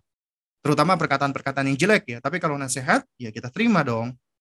Tapi umumnya komentar-komentar orang, kritikan-kritikan orang, cibiran-cibiran orang, ya itu sesuatu yang kita nggak perlu pikirkan. Karena memperhatikan perkataan mereka itu akan menghabiskan energi kita. Ya. Bahkan akan mentransfer energi negatif kepada diri kita dengan apa? perkataan buruk mereka. Kenapa? Karena perkataan buruk itu kan suatu hal yang negatif ya kan, energi negatif yang ditransfer oleh mereka ke dalam diri kita. Karena ya kita tolak. Jangan mau gitu loh. Kita bangun blocking dengan cara tajahul, nggak mau ambil pusing dengan perkataan orang. Dan orang-orang mukmin, apalagi ahlu sunnah, mereka nggak peduli dengan perkataan orang, meskipun dia dibully habis-habisan. Nabi kita saja yang mulia alaihissalam itu nggak lepas dari bullying. Dikatakan sahiru majnun, tukang sihir yang gila. Subhanallah, ini Nabi kita alaihissalam. Tapi ya cemoohan itu nggak akan mempengaruhi kita kok. Kita nggak akan mulia dengan pujian orang dan nggak akan hina dengan celaan orang. Ya kalamun nas tahi ucapan orang itu nggak ada ujung pangkalnya. Apa pun yang kita lakukan, kita nggak akan lepas daripada cibiran dan perkataan mereka. Karenanya jangan mencari ridhonya mereka. Mustahil. Cari ridhonya Allah. Itu suatu hal yang bisa kita lakukan. Ya, makanya dikatakan ya ini disandarkan kepada Imam Syafi'i rahimahullahu taala ya apa namanya uh, jadi uh, ridhon nasi ghayatu la tudrak. Ya ridhonya manusia itu adalah tujuan yang nggak bisa diperoleh. Sementara ridhollahi ghayatu la tudrak. Ya ridhonya Allah itu adalah tujuan yang nggak boleh ditinggalkan. Ya makanya beliau mengatakan ya fadrik matutrok ya watruk ma yudrok ya. Maka tinggalkan apa yang nggak bisa engkau raih dan raihlah apa yang nggak boleh engkau tinggalkan. Ya jadi ucapan manusia itu perkataan manusia ridhonya manusia itu semua nggak ada nggak ada manfaatnya buat kita gitu karena ya kita belajar untuk membangun mindset di dalam diri kita. Dan mindset ini ya terbangun dengan ilmu tentunya. Di antaranya ilmu yang berangkat dari ma'rifatullah mengenal Allah sehingga akan membuahkan pengenalan kita terhadap diri kita sendiri. Kita ini istimewa kok. Kita ini sosok yang Allah ciptakan dengan keunikan. Ya. Dan kita ini tidak dibentuk oleh ucapan-ucapan orang, tapi kita ini dibentuk ya dari mana? Dari sejauh mana kita berupaya untuk mencari ridhonya Allah. Ya. Bukan dari ridhonya manusia. Siapa pun itu, Ya, apabila itu kata-kata yang negatif yang dapat uh, apa namanya menyurutkan kita, kita tajahul. Dan ini di antara kunci kebahagiaan. Tajahul, nggak ambil pusing, ya. Dan ini dan ini dibenarkan oleh orang-orang kafir, orang-orang bule sampai-sampai mereka bikin buku, ya, The Art of Not Giving a Damn kata begitu. Seni untuk tidak ngambil pusing, ya. Bahkan juga ada yang judulnya itu agak-agak kasar tuh ya. Nah, jadi seni untuk masa bodoh. Nggak peduli gue sama ucapan orang-orang lain itu. Karena yang yang yang aneh peduliin cuman Allah Subhanahu wa taala. Ya. Itu tajahul. Adapun taghaful adalah pura-pura nggak tahu dengan kesalahan dan kekeliruan orang lain. Ya. Dia melakukan salah dan sebagainya. Kita pura-pura nggak tahu gitu loh. Ya, sebagai apa? Tanda kelembutan bagi yang disalahkan agar tidak semakin menimbulkan rasa benci dan pengkhianat itu takoful. Ada orang misalnya, kita tahu dia ngomongin kita, nggak usah ambil pusing, biarin aja dia melakukan kesalahan, ya, nggak kita nggak usah ambil pusing gitu loh. Tapi bukan artinya kita nggak perlu menasehati, ya, dalam beberapa hal ya kita perlu nasihati. Tapi artinya kalau dia melakukan kesalahan-kesalahan, yang mana itu semakin membuat kita itu malah malah kehilangan fokus nih, kita malah fokus dengan kesalahan dia, akhirnya kita apa namanya, tatabu al ini orang ini memang nggak baik ini ini orang ini begini orang ini begitu akhirnya apa hati kita akan dipenuhi dengan kejelekan dengan berburuk sangka Jadi kita belajar untuk toleran tasamuh dengan kesalahan orang. Ya, orang ini pernah menghujat saya, orang ini pernah mencela saya, orang ini pernah gini. Nggak apa-apa, biarin aja. Nggak usah ambil pusing, kita maafkan. Ya, maka itu akan lebih baik bagi kita. Karena orang yang dihujat, ya, itu seharusnya lebih berbahagia daripada yang menghujat. Kenapa? Karena orang yang dihujat itu, ya, sejatinya dia itu memiliki sesuatu yang tidak dimiliki oleh orang yang menghujat tadi. Makanya dia menghujat orang tersebut. Ya. Dan orang yang dihujat itu dengan kesabarannya dapat pahala. Bahkan bisa jadi akan ditransfer pahalanya orang yang menghujat tadi kepada orang yang dihujat asalkan dia sabar. Makanya orang yang suka menghujat itu muflis, orang yang bangkrut. Orang yang bangkit di hari kiamat yang mana dia tidak punya amal kecuali amalnya itu akan dilemparkan kepada orang-orang yang pernah dia sakiti. Karena yang kita nggak perlu khawatir. Dan dua kunci ini tajahul dan taghaful adalah kunci kita hidup bahagia sebenarnya. Ya. Nah, makanya dikatakan ya oleh salah seorang ulama ya kaitan jahafil hayati tahtaju amroini. Agar Anda sukses di dalam kehidupan ini, Anda perlu dua hal, yaitu at-tajahul wa taghaful tajahul dan taghaful. Al-Imam Al-Hasan Al-Basri rahimahullah pernah berkata, "Ma zalat taghaful min fi'lil kiram." Taghaful akan senantiasa menjadi ciri khasnya akhlak yang mulia. Salah seorang arif pernah berkata, "Kalamun nas la yantahi." Ucapan manusia itu enggak ada habis-habisnya. Wa yatahaddatsuna bisababin wa min ghairi sababin. Mereka ngomong apa aja ada sebab atau enggak ada sebabnya, mereka ngomongin. Ya. Lidha yajibu alaina fi mu'dhamil ahyani ya nujahiluhu. Karena itu hendaknya kita ya sering kali cuek dan gak peduli dengan perkataan mereka. Gak perlu kita dengerin ucapan-ucapan mereka. Ya ini khususnya bagi mereka yang aktif di media sosial. Kalau Anda mau berbagi apa kebaikan, komentar, udah bagi aja. Nggak usah kita mengharap like, melihat dislike kita sakit hati, apalagi komentar-komentar. Ya malah itu menghabiskan waktu kita, nggak ada manfaatnya kita melihat komentar-komentar orang, ya. Itu biasanya yang suka komentar-komentar, apalagi yang panjang-panjang, apalagi isinya mencibir, itu orang-orang yang nggak punya pekerjaan, itu nganggur, ya. Dan biasanya mereka orang-orang yang hasad dan yang semisalnya. Nah, kemudian dilanjutkan lagi dikit lagi. Kiat yang keenam, jaga kesehatan tubuh. Karena menjaga kesehatan tubuh itu bentuk syukur dan menjaga amanat dari Allah. Ini tubuh kita ini itu pemberian Allah. Karunia Allah harus dijaga gitu loh harus dipelihara. Ya, dan kesehatan yang dipelihara itu ada tiga kunci untuk untuk menjaganya. Tiga C namanya. Cukup nutrisi. Makan yang cukup. Cukup gizinya, cukup nutrisinya. Ya, makanan yang sehat.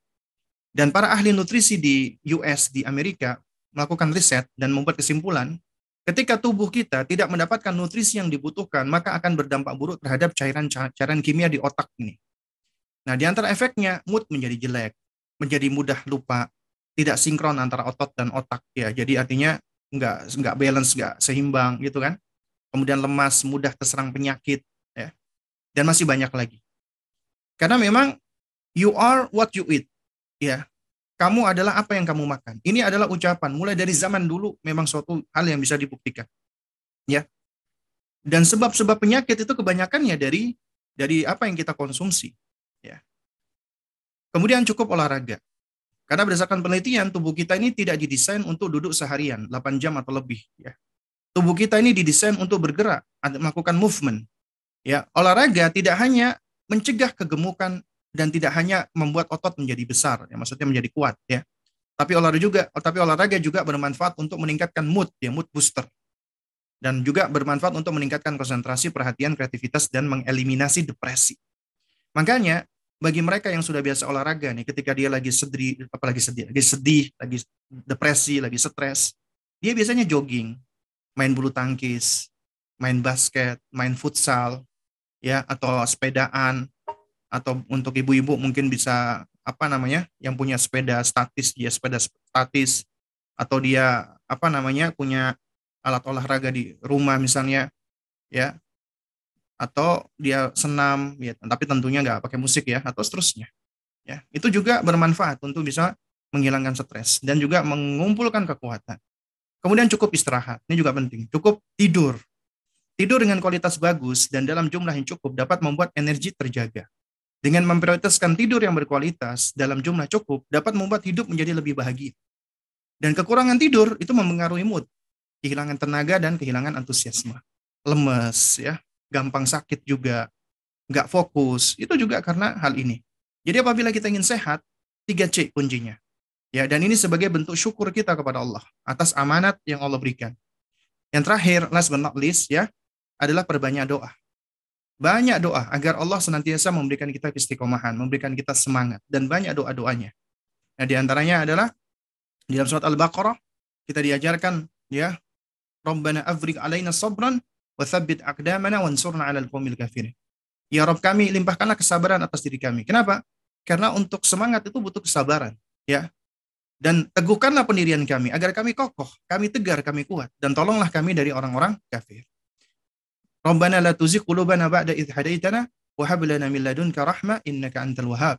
Ya, ya Rob kami, jangan engkau jadikan hati kami condong kepada kesesatan sesudah engkau berikan petunjuk kepada kami. Waliyadzubillah. Ini yang ngeri. Kita udah ngaji, kita udah belajar, Allah udah berikan kita hidayah, kemudian kita dipalingkan dari hidayah menuju kepada kesesatan. Ini tentunya adalah bala yang besar di dunia ini. Ya, Nah, wahablana min ladunka rahmah dan karuniakanlah kepada kami rahmat dari sisi engkau innaka antal wahhab. Karena sesungguhnya engkau adalah al-wahhab yang maha memberikan karunia. Juga Nabi mengajarkan ya muqallibal qulub tsabbit qalbi ala dinik. Wahai yang membolak-balikkan hati, teguhkanlah hati kami di atas agamamu, ya. Dengan demikian ya ya alhamdulillahilladzi bi ni'matihi tatimmus salihat. Mudah-mudahan sedikit ini bisa memberikan manfaat untuk kita semua. Berikutnya eh, kita buka sesi tanya jawab ya. Yang ingin bertanya silakan. Nah, ini bagi yang ingin mengunduh slide-nya bisa nanti diunduh di kolom chat ya, karena udah di-share oleh panitia uh, PDF-nya. Jadi silakan nanti diunduh. Kemudian bagi yang ingin tahu link YouTube nanti bisa dicek juga itu sudah di-share ya. YouTube dari dari mana? Dari panitia, yaitu dari uh, apa namanya Jadi, SMA Al Azhar Pusat ya. Ya, Ustaz nanti ya. kalau sudah selesai. Ya. Nah itu itu juga ada link YouTube-nya. Nah juga biasanya nanti kami akan upload ulang lagi. Ya juga nanti akan diupload juga di di Anchor ya di di podcast. Jadi sehingga nanti bisa dijadikan sarana untuk murojaah insya Allah. Nah, uh, mungkin ada yang ingin bertanya silakan. Yang ingin tanya langsung silakan raise hand. Nanti insya Allah akan di bantu untuk di unmute. Yang ingin bertanya secara tidak langsung silakan ketik di kolom chat ya. Nah, ini ada yang bertanya ini. Umu Yusuf sepertinya masih ngetik ya.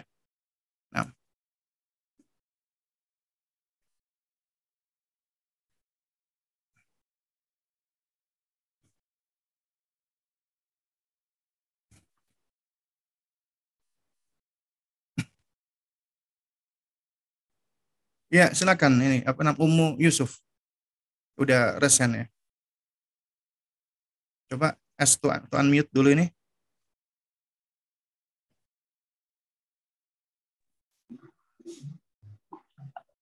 Assalamualaikum Ustaz. Ya Waalaikumsalam warahmatullahi wabarakatuh. Anda mau izin bertanya, bagaimana menyikapi remaja laki-laki yang udah mulai suka dengan lawan jenis dalam kondisi dia itu sudah memahami syariat akan tetapi seperti lebih tampak ingin menuruti kesenangan dirinya sendiri. Sedangkan dari sisi keluarga remaja akhwatnya, keluarganya ngaji, tapi awam bisa dikatakan baru ngaji, sehingga masih menganggap interaksi dengan lawan jenis itu suatu hal yang umum dan biasa. Bahkan umanya memfasilitasi anaknya untuk berinteraksi dengan ikhwan remaja ini. Apa dalam hal ini orang tua pihak remaja ikhwan perlu berkomunikasi secara telepon atau chat atau menemui akhwat tersebut dan orang tuanya? Kalau boleh nanya lagi, selanjutnya boleh ya Ustaz? Ya, ya. Terus nah, gimana ya eh, manajemen handphone untuk anak remaja usia 15 tahun? Biar pergaulannya terkendali dengan baik dan gimana sebaiknya orang tua yang orang tua lakukan jika pergaulan di pondok buruk misalkan merokok terusnya lihat video-video asusila minum khamar pacaran meskipun dipisah tempatnya tetapi bisa berinteraksi via media sosial seperti Instagram. Biasanya pintu masuk awalnya mereka dari Mobile Legend apa ada chatting online-nya gitu di pondok sebenarnya dilarang membawa handphone, tapi ada yang ngumpet-ngumpet bawa handphone. Jadi mereka bikin kesepakatan, terus uh, gantian handphonenya. Jadi sesama anak itu gantian gitu. Karena si, di pondok ini kurang fasilitas dan kegiatan yang menyibukkan anak-anak. Jadi anak-anak itu jadi uh, cari cari kegiatan lain di handphone tersebut.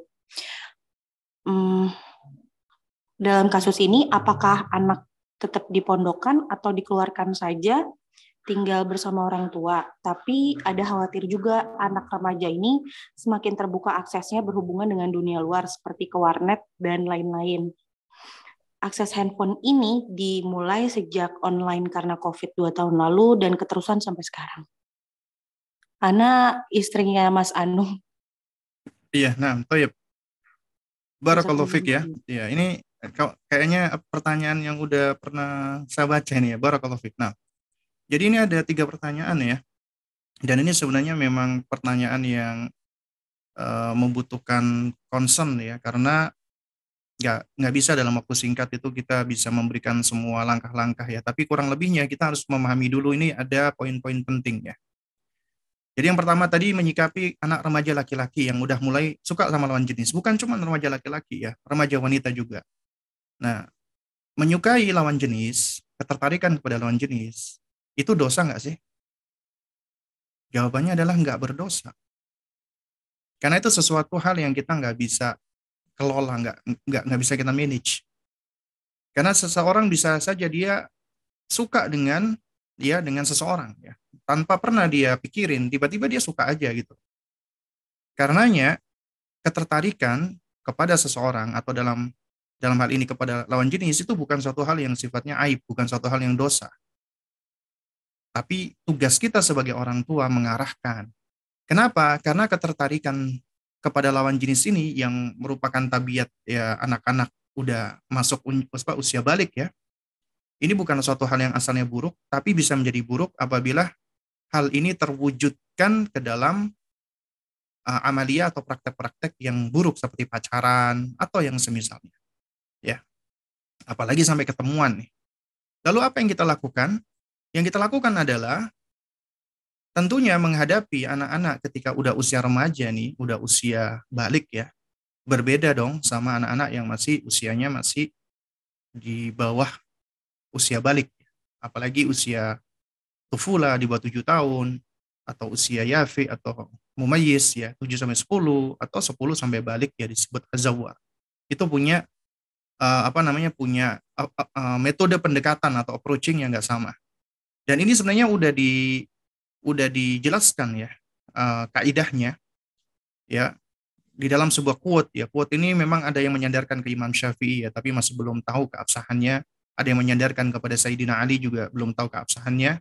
Ada yang menyandarkan kepada Sufyan Ats-Tsauri rahimahullah dia juga masih diperdebatkan Intinya tapi quote ini benar dan quote ini juga di, banyak dinukilkan oleh para ulama-ulama kita ahli tarbiyah yaitu ahli pendidikan bahkan menjadi kaidah pertama yang disebutkan oleh Syekh Ahmad Nasir At-Tayyar ya hafizahullah yang berbunyi la ibnaka sab'an wa sahibus wa adibus sab'an wa sahibus sab'an ya. Jadi yang yang patut kita pahami di usia tujuh tahun pertama kita bermain sama mereka. Karena bermainnya mereka itu belajarnya mereka. Jadi pendekatan kita adalah dengan bermain, dengan bersenang-senang dengan mereka, bergembira dengan mereka. Ya. Tapi bukan sekedar bermain, tapi bermain yang tentunya diiringi dengan pijakan-pijakan ya akidah ya. Karena mereka sedang melakukan eksplorasi, eksplorasi diri dan alam dengan cara bermain. Makanya ya bapaknya Yusuf alaihissalam yaitu Nabiullah Yakub alaihissalam itu sampai-sampai mengizinkan abang-abangnya Yusuf yang beliau udah tahu ini abang-abangnya akan berbuat makar kepada Yusuf ya tapi ternyata abang-abangnya Yusuf pinter cari alasan ya ya kata kata mereka irsal huma ana goda ya biarkanlah Yusuf pergi bersama kami besok wahai ayahanda Untuk apa? Yarta wa yal'ab. Agar Yusuf bisa bersenang-senang dan bermain-main. Jadi itu alasannya untuk bersenang-senang dan bermain-main. Akhirnya diizinkan karena Nabi Yakub alaihissalam tahu anak kecil waktunya bermain-main dan bersenang-senang. Kemudian di usia tujuh tahun kedua, tak didik, ya disiplinkan, ajarkan lebih lebih concern lagi karena mereka sudah siap belajar. Makanya disebut usia tujuh tahun usia sekolah, sebelumnya prasekolah. Berarti mereka sudah ready. Makanya Nabi memerintahkan mereka udah siap untuk sholat. Karena mereka udah bisa fokus, mereka udah bisa konsentrasi. Tapi tentunya dengan cara yang hikmah, dengan cara memberikan dorongan, motivasi, dan belum boleh diberikan hukuman fisik kecuali udah 10 tahun, hazawar. Nah, adapun usia 14 tahun ke atas atau udah balik, maka wasahibhu, maka bersahabat dengannya. Jadi hendaknya menjadi sahabat. Sahabat bagi anak kita tadi. Ya. Jadi CS-nya anak. Dan ini suatu hal yang sudah diterangkan oleh ulama kita. Ya seperti Syekh Muhammad Shalal Munajjid ya. Hafizahullah di dalam Arbauna Nasihah Islahil Buyut ketika melakukan pendekatan kepada anak-anak yang sudah usia murahik atau usia remaja seperti ini adalah pendekatannya dengan cara kita bersahabat, banyak mendengar, bahkan perlu adanya majelis al-musoroha, majelis curhat. Dengarkan dia, dengarkan uh, curahan hatinya, curhatannya, jangan kita apa jangan kita langsung kritiki komentari. Kita dengarkan. Artinya kita berusaha untuk memahami. Karena dia sedang sedang apa ya dia sedang juga berusaha untuk apa memahami hal-hal yang baru yang dialami di usianya ketika sudah balik ada ketertarikan ketertarikan karena itu makanya yang kita lakukan adalah apa? Kita arahkan dia. Kita katakan nak kamu naksir sama fulana. Itu suatu hal yang manusiawi gitu loh. Karena manusia memang ada hal-hal yang seperti kita tertarik pada lawan jenis itu lumrah. Tapi suatu hal yang lumrah seperti ini ya itu nggak nggak boleh kita keluarkan dengan cara-cara maksudnya kita uh, lampiaskan dengan cara yang dilarang oleh agama misalnya pacaran dan yang semisalnya. Kemudian kita ajak apa, diskusi apa yang kamu sukai dari dari dia? Kamu kamu suka apanya sih? Ya biarkan dia cerita misalnya dia suka kecantikannya. Pelan-pelan kita ajarkan kalau ya nah, kita mungkin dengan pendekatan cerita dulu juga sama. Ya Abi atau Umi dulu ngelihat ada orang itu ganteng atau orang itu cantik tapi setelah tahu ternyata itu nak cuma sebentar nak. Karena yang paling penting itu ya ke kecantikan akhlaknya ya tapi biarkan dia cerita kemudian baru kita berikan nasihat-nasihat berangkat dari eh, pengalaman-pengalaman kita agar dia merasa bahwasanya dirinya itu tidak disalahkan dirinya tidak di apa namanya tidak di apa, apa ini apa labeli dengan label yang buruk. Jadi ibaratnya kita menvalidasi dulu perasaan mereka. Baru kemudian kita mengarahkan. Kenapa? Karena dengan cara seperti ini berarti kita ini membangun koneksi dengan mereka. Kalau koneksi kita udah terbangun, akan lebih mudah bagi kita untuk mengoreksi. Ya, untuk mengoreksi dari kesalahan-kesalahan dan akan lebih mudah bagi kita untuk membimbing mereka. Jadi nggak perlu sampai kita langsung intervensi ketemu sama si siapa si akhwatnya kecuali ya kecuali nih ya Anda melihat anak Anda sudah siap untuk menikah. Ya. Karena sebenarnya ya konsep ketika kita mengajarkan anak tentang ketertarikan kepada lawan jenis itu juga di antaranya adalah konsep komitmen dan tanggung jawab. Ya. Kenapa? Karena kalau cuma sekedar suka, kemudian dikeluarkan, maksudnya diwujudkan dengan cara-cara yang nggak bertanggung jawab, itu banyak pacaran itu wujud wujud-wujud yang tidak bertanggung jawab. Sementara pernikahan itu bentuk tanggung jawab dan memuliakan wanita. Ya. Nah, cuman masalahnya tidak banyak orang tua paham tentang hal ini. Nah, karena itu makanya kita katakan kepada anak kita apalagi nih kalau dia laki-laki. Kamu kamu uh, apa suka tanah dengan dengan dia? Nah, kita lihat apa yang dia sukai, kenapa dia suka, dan seterusnya. Kalau dia memang sudah mantep, coba kita tantang dia. Kamu berani nggak menikah dengan dia? Aku nggak berani, biar aku masih gini. Nah, kalau kamu masih belum mau menikah dengan dia, ya berarti kamu patutkan diri kamu dulu. Kamu belajar dulu, kamu gini. Karena jodoh itu nggak akan lari, nak. Ya kita jelaskan, ya. Kamu nggak usah khawatir, gitu loh. Jadi, kalau dia memang jodohmu, pasti akan datang. Ya, tapi kalau dia bukan jodohmu meskipun kamu kejar seperti apa pun, kamu nggak bakal dapet gitu. Jadi di sini juga perlu pelajaran-pelajaran kehidupan. Kemudian kalau mas masalah mana manajemen HP ya ini sebenarnya ya memang kembali kepada kita sebagai keluarga sejauh mana kita punya nizam atau aturan. Karena ya anak usia 14 tahun memang sudah boleh kita kasih HP sebenarnya. Tapi harus diiringi dengan tanggung jawab. Dan tanggung jawab untuk bisa menggunakan HP itu dibentuk dari fase usia sebelumnya. Orang tua yang bijak bukanlah orang tua yang memfasilitasi anak dengan gadgetnya bebas tanpa aturan. Itu berbahaya, malah bisa membahayakan anaknya. Sementara di sisi lain, orang tua yang terlalu strict, orang tua yang terlalu keras, orang tua yang terlalu kaku, melarang anaknya berinteraksi sama gadget, ya, melarang anaknya untuk ber apa namanya berinteraksi dengan gawai, itu juga juga nggak hikmah. Itu malah juga bisa membahayakan anak. Karena kita berada di hidup, karena karena kita hidup di zaman yang kita nggak bisa lepas dari yang namanya gawai. Makanya dikatakan yang namanya gawai itu umurun ta'ummu balwa. Perkara yang sudah menyebar di mana-mana. Antum larang, ya, dia tetap nggak nggak akan bisa lepas dari yang namanya gawai. Di sekolah ketemu gawai, sama temannya ketemu gawai. Nah, kalau kita nggak kenalkan gawai, ya, dengan cara yang bertanggung jawab, malah itu malah bahaya. Nanti mereka bisa ibaratnya balas dendam dalam tanda kutip ketika mereka mendapatkan gawai. Ya, makanya kita fasilitasi tapi dengan tanggung jawab, dengan aturan. Nah, makanya di antara aturan-aturan itu yang direkomendasikan ya bahkan oleh uh, institusi atau lembaga pendidikan yang ada di di apa namanya di United States ya di Amerika ya yang uh, dalam apa dalam dalam hal penggunaan gadget ya dari uh, institusi apa pediatrik ya itu mereka mengeluarkan rekomendasi anak di bawah 2 tahun itu zero zero screen. Zero screen time. Artinya jangan dipapar anak di bawah 2 tahun itu dengan gadget sama sekali. Ya. Jadi diupayakan. Kalaupun seandainya terpapar ya paling cuman apa yang bisa didengar mereka aja. Ya, tapi kalau dilihatkan gawai atau gadget itu juga bisa mempengaruhi apa perkembangan matanya. Karena gawai atau gadget, handphone atau tablet atau TV itu radiasinya, motion pergerakannya itu bisa menyebabkan overstimulasi pada perkembangan saraf mata anak ya ketika masih bayi. Jadi malah merusak mata dikhawatirkan dan berbahaya. Kemudian 2 sampai 7 tahun ya maksimal satu jam sehari maksimal satu jam. Ya. Makanya perlu adanya nizam wahtimam, adanya aturan dan perhatian. Artinya kita harus memberikan aturan kepada mereka. Ada waktu-waktu di mana mereka boleh pakai gadget dan ada waktu-waktu di mana mereka kita fasilitasi beraktivitas dengan tanpa gadget.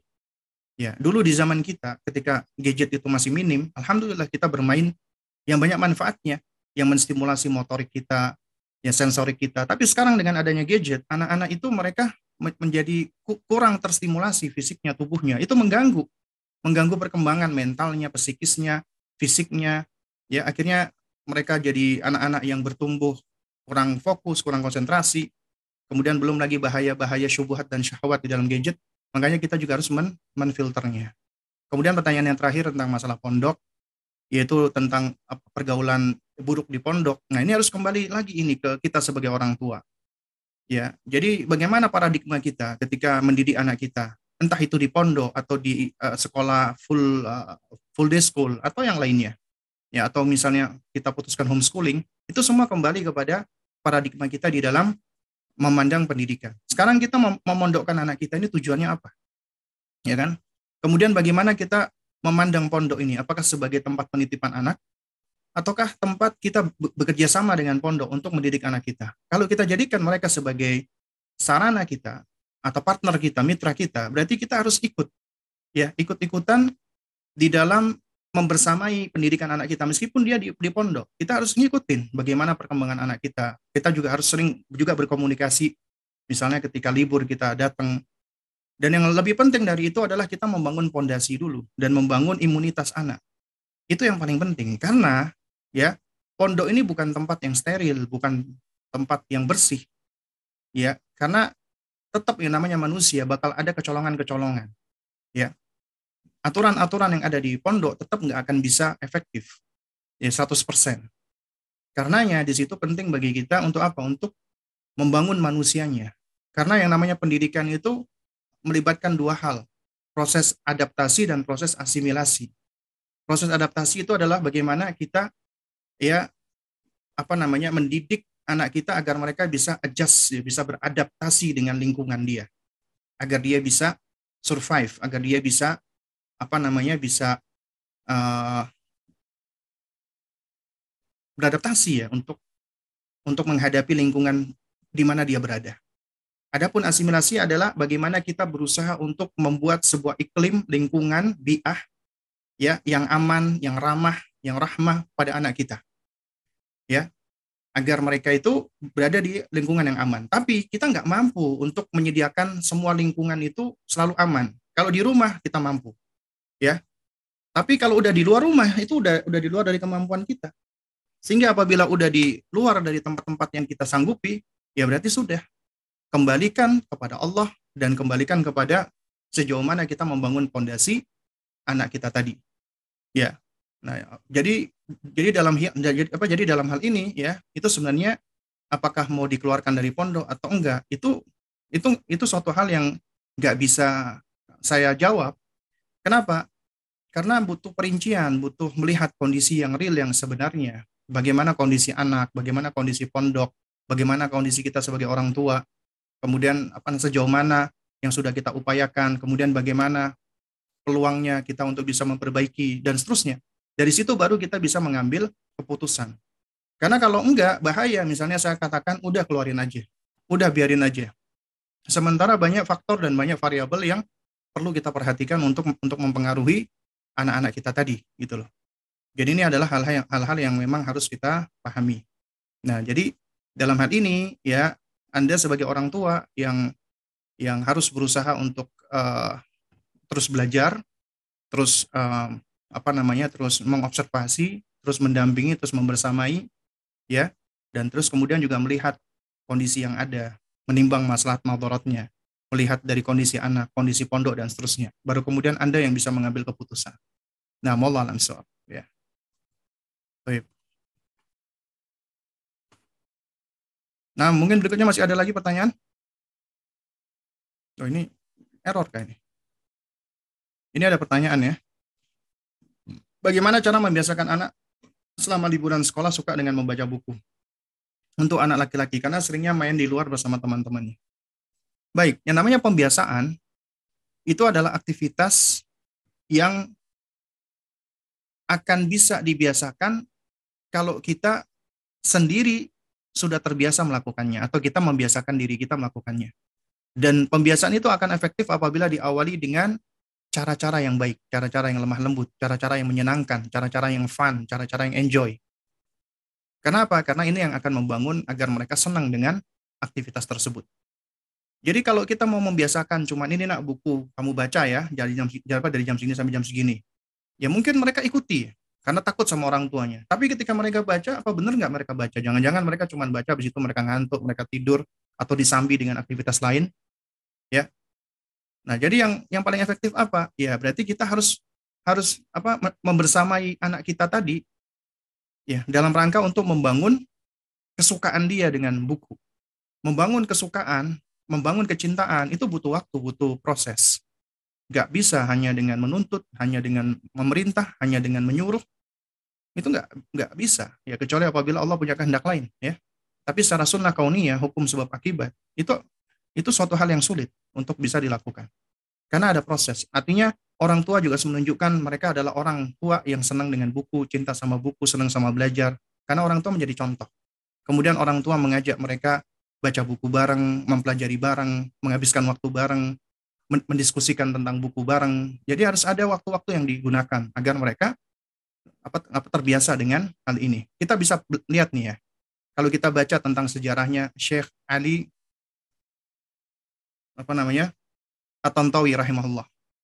Syekh Ali At-Tantawi ya salah satu ulama senior Mesir ya. Rahimahullah taala. Beliau ini termasuk salah satu ulama yang dikatakan penggila buku. Ya, di mana-mana beliau habiskan waktu lebih banyak dengan buku, baca buku. Ya. Karena beliau baca buku dalam sehari itu bisa lebih dari 12 jam. Ya. Dan beliau menceritakan ya di antara uh, alasan atau yang melatar belakangi kenapa beliau jadi suka buku, karena semenjak kecil beliau itu tinggal di rumah ayahnya itu adalah apa adalah salah seorang ulama juga ya yang mereka eh, yang beliau itu banyak mengoleksi buku. Jadi di rumahnya itu penuh dengan perpustakaan. Apa seperti perpustakaan, banyak koleksi buku. Dan banyak teman-temannya dan murid-muridnya datang ke rumah. Belajar, diskusi, bahas tentang buku. Dan itu Syekh Ali At-Tontawi ketika masih kecil. Dan ayahnya itu sangat ramah kepada Syekh Ali At-Tontawi.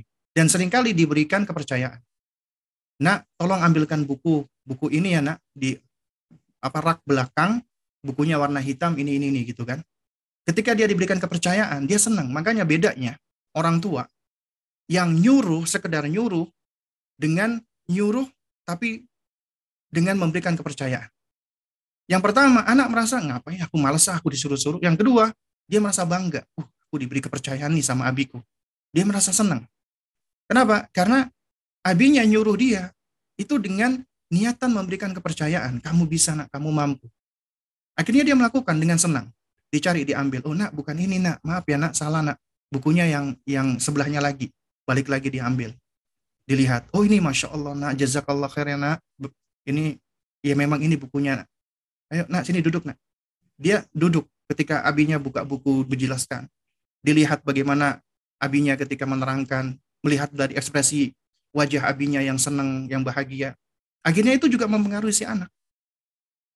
Jadi Syekh Ali At-Tantawi akhirnya udah terbiasa dengan buku. Dan beliau dan beliau udah biasa dari kecil itu sudah baca buku-buku yang bermacam-macam.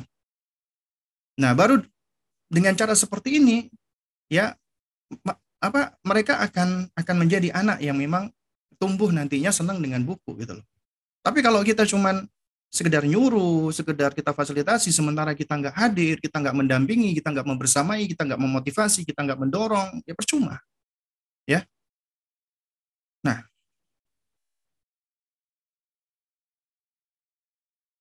Ustaz, apakah setiap pondok selalu ada kehilangan barang bully membuli terutama pondok salaf? Ya semua pondok ada kekurangannya.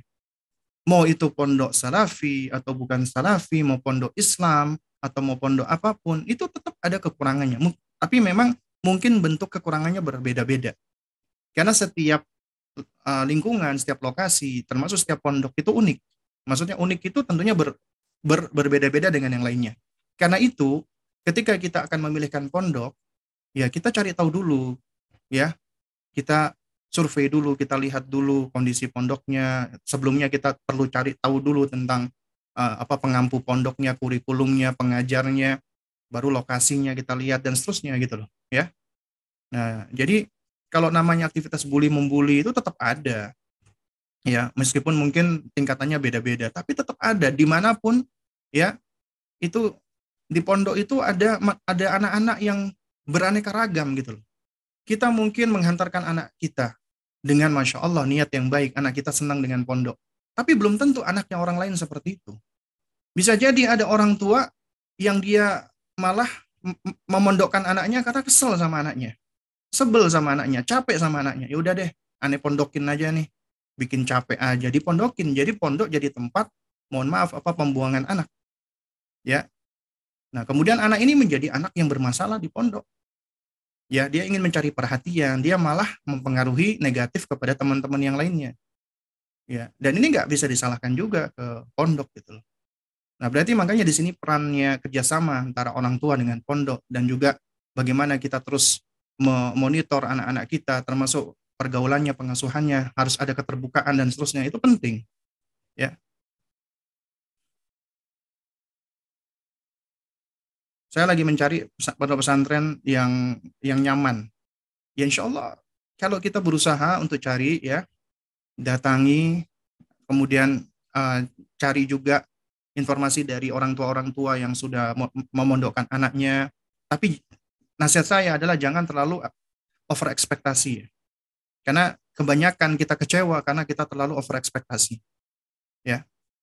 Jadi pernah ada seorang ummahat ya di dalam suatu kajian dia sempat bercerita dengan emosi dengan marah-marah tentang pondok. Dia mengatakan saya itu mengeluarkan apa saya itu memondokkan anak saya tiga kali semuanya tiga pondok ini saya keluarkan anak saya. Intinya dia menyampaikan begitu. Kenapa? Karena tiga-tiga pondok ini mengecewakan. Ya, semuanya ada masalah bullying, ada masalah ini, ada masalah itu. Akhirnya sekarang saya, saya pindahkan dia di pondok yang bukan sunnah katanya dia gitu. Nah kemudian ketika saya tanya, ibu apakah di pondok sunnah sekarang anak ibu tidak mengalami bullying? Gitu. Nah dia agak ragu-ragu jawabnya. Ya ada bullying Ustaz, tapi nggak separah seperti yang di pondok sebelumnya. Ya, karena begini, memang mungkin pondok sudah menerapkan aturan tentang bullying, tapi tetap aja namanya manusia ada apa kekurangan-kekurangannya. Karena itu makanya jangan terlalu over ekspektasi. Kalau kita meng, apa mendapati kekurangan dari pondok, ya seharusnya kita menjadikan pondok sebagai partner kita, mitra kita. Kita datang, kita komunikasikan, kita bicarakan, kita berikan masukan. Tapi kalau kita udah memberikan masukan, komunikasikan, ternyata pondoknya bergeming, pondoknya merasa uh, apa nggak bersalah, pondoknya nggak mau menerima masukan, silakan pindahkan, keluarkan dari pondok yang seperti ini. Apakah juga bermasalah dengan suami pun harus bertagoful juga atau diselesaikan karena sudah berkali-kali dibicarakan suami kadang, kadang tidak menerima dan berbalik mem mem memarahi istri atau diam tidak menjawab untuk dipikirkan. Padahal hal itu penting yang menyakiti perasaan istri dan membuat kesabaran atau emosinya tidak stabil dalam merawat dan mendidik anak. Iya, jadi dalam beberapa hal kita juga perlu untuk taghaful kepada suami atas kekurangan-kekurangannya. Karena kalau enggak kita akan capek sendiri. Suami kita itu manusia yang pasti punya banyak kekurangan. Sebagaimana kita punya banyak kekurangan. Tapi sering kali kekurangan-kekurangan dan perbedaan kita ini itu malah menjadi duri-duri yang menyebabkan kita saling menyakiti satu dengan yang lainnya.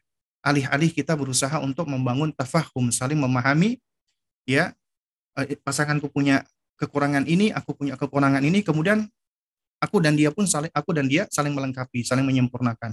Dan itulah tujuan pernikahan, yaitu saling melengkapi, saling menyempurnakan, ya, atas kekurangan-kekurangan yang ada, ya. Makanya Al-Qur'an Al, ya, Al-Qur'anul Karim ketika menyebutkan tentang pas, pasangan apa? Hum apa namanya? Hum libasulahun ya. apa?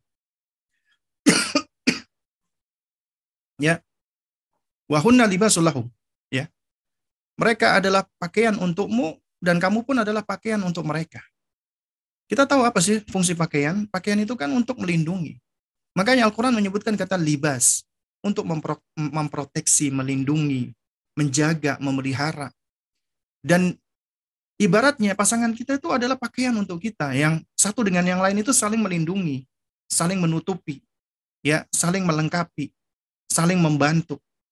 Itu udah disebutkan di dalam Al-Quranul Karim.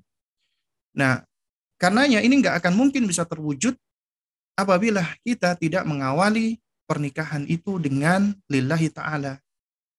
Makanya segala bentuk konflik yang terjadi bukan hanya di rumah tangga, bukan hanya hubungan suami istri, tapi juga hubungan persahabatan ataupun hubungan kemitraan di dalam perusahaan atau yang semisalnya itu nggak lepas dari dua hal. Pertama, karena niat yang berubah atau niat yang nggak benar.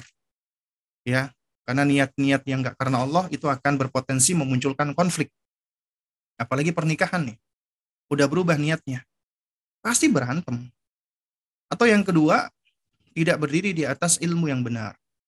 Jadi berumah tangga nggak punya ilmu, ya nggak punya ilmu tentang apa tentang bagaimana cara muasyarah, bagaimana cara mempergauli pasangan yang baik, nggak tahu hak-hak dan kewajiban. Akhirnya apa? Konflik, berantem. Ya, karenanya kita perlu untuk sama-sama saling belajar.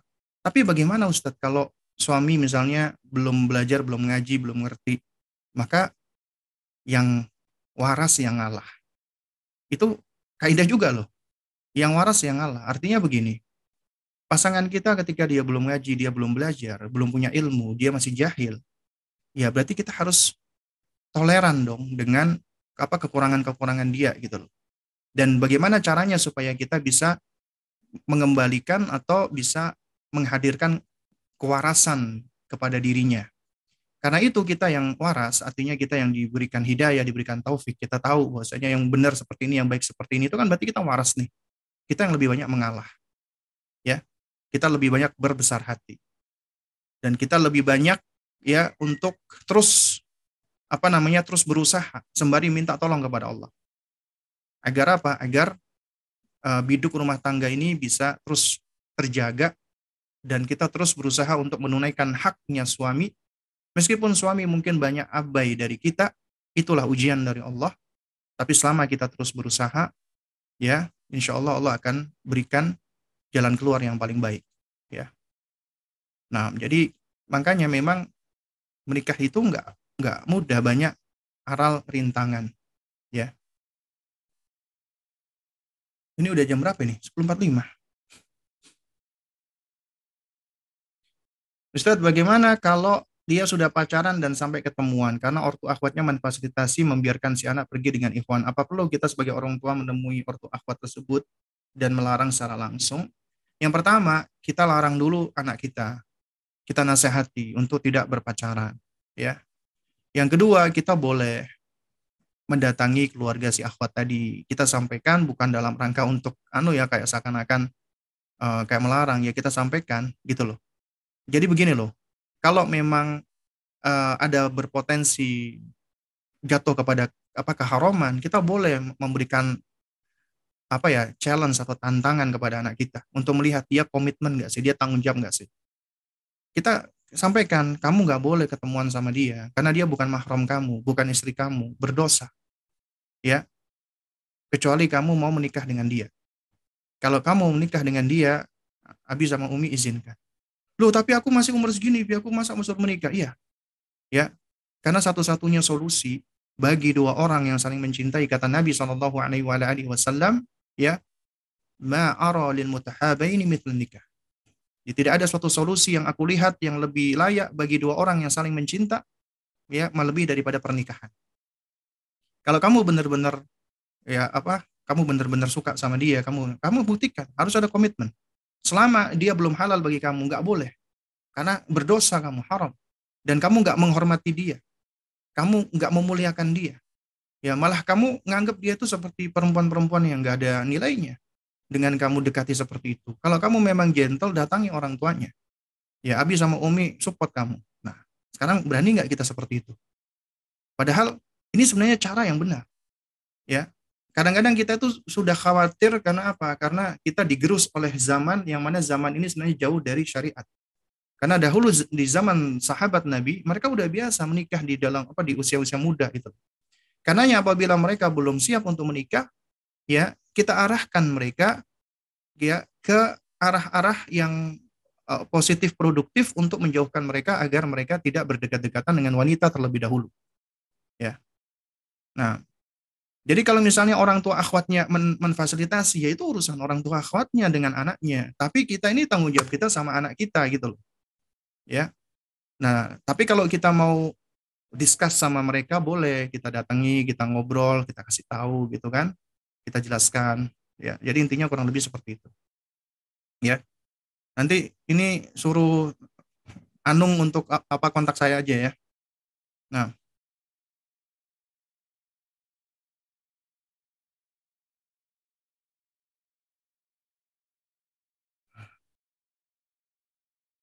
Bagaimana mengajak suami supaya bisa mengikuti ajaran salaf, bukan uh, apa tradisionalis yang.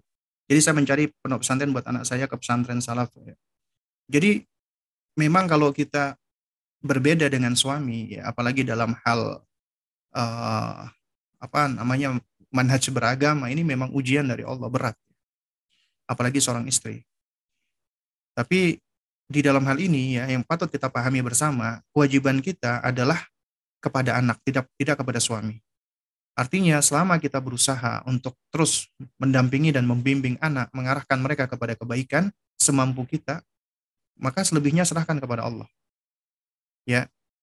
Dan apabila suami misalnya udah memutuskan sesuatu, ya kita mungkin boleh kita kasih saran, kita kasih masukan, ya kita kasih apa namanya, uh, apa namanya, kita kasih Ya masukan-masukan, nasihat-nasihat. Adapun diterima, alhamdulillah nggak diterima ya sudah. Ya.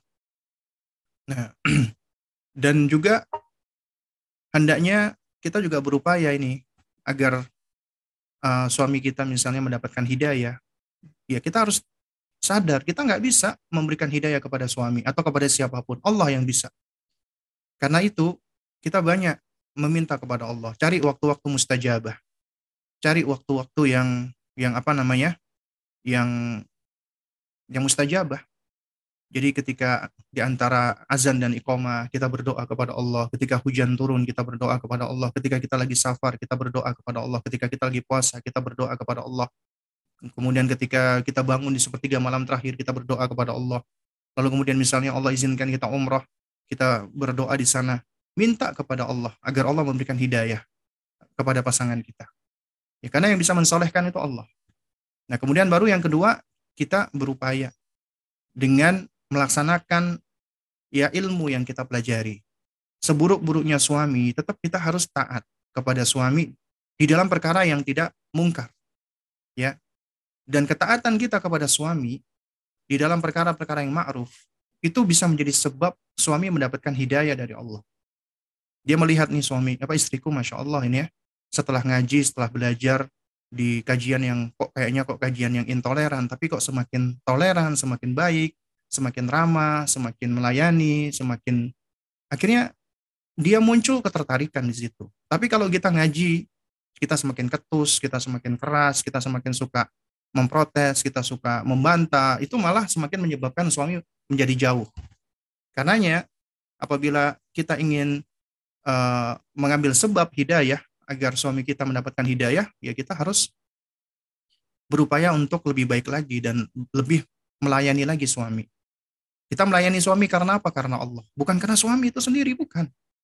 Karena kalau kita melayani karena suami itu sendiri, ya biasanya kita akan males. Ngapain uh, aku ngelayanin dia? Dia cuek sama aku, nggak peduli sama aku, ngapain aku peduli sama dia? Itu kalau kita melakukan sesuatu karena bukan Allah tadi, karena suami kita. Tapi kalau kita melakukan karena Allah. Kenapa? Karena Allah dan Rasulnya yang memerintahkan aku untuk menaati suami. Seburuk-buruk apa pun suamiku, aku tetap diperintahkan. Kenapa? Ini perintah Allah dan Rasulnya. Aku lebih mengedepankan perintah Allah dan Rasulnya daripada perasaan aku, daripada emosi aku, daripada apa kekesalan aku, daripada dendam aku. Ya, dengan demikian, insya Allah Allah akan tolong kita. Dan peluangnya besar Allah akan memberikan kemudahan-kemudahan dan Allah berikan hidayah bagi suami kita. Ya, dan ini banyak sebenarnya ya apa kisah dari kawan-kawan yang alhamdulillah ya yang yang tadinya pasangannya belum ngaji dengan kesabaran dengan apa dengan akhlak dengan perangai dengan uh, penyikapan yang baik akhirnya akhirnya pasangannya pun ngaji berubah ya dan ini semua adalah tentunya karunia dari Allah baik mungkin ini yang bisa saya sampaikan di kesempatan kita pada pagi hingga siang hari ini ya uh, atas kesalahan yang saya sampaikan atau yang mungkin menyinggung yang mohon dimaafkan karena yang hak datangnya dari Allah, yang batil datangnya dari diri saya pribadi. Ya, kita tutup dengan doa kafaratul majlis. Subhanakallahumma wa bihamdik asyhadu an la ilaha illa anta astaghfiruka wa atubu ilaik. Assalamualaikum warahmatullahi wabarakatuh.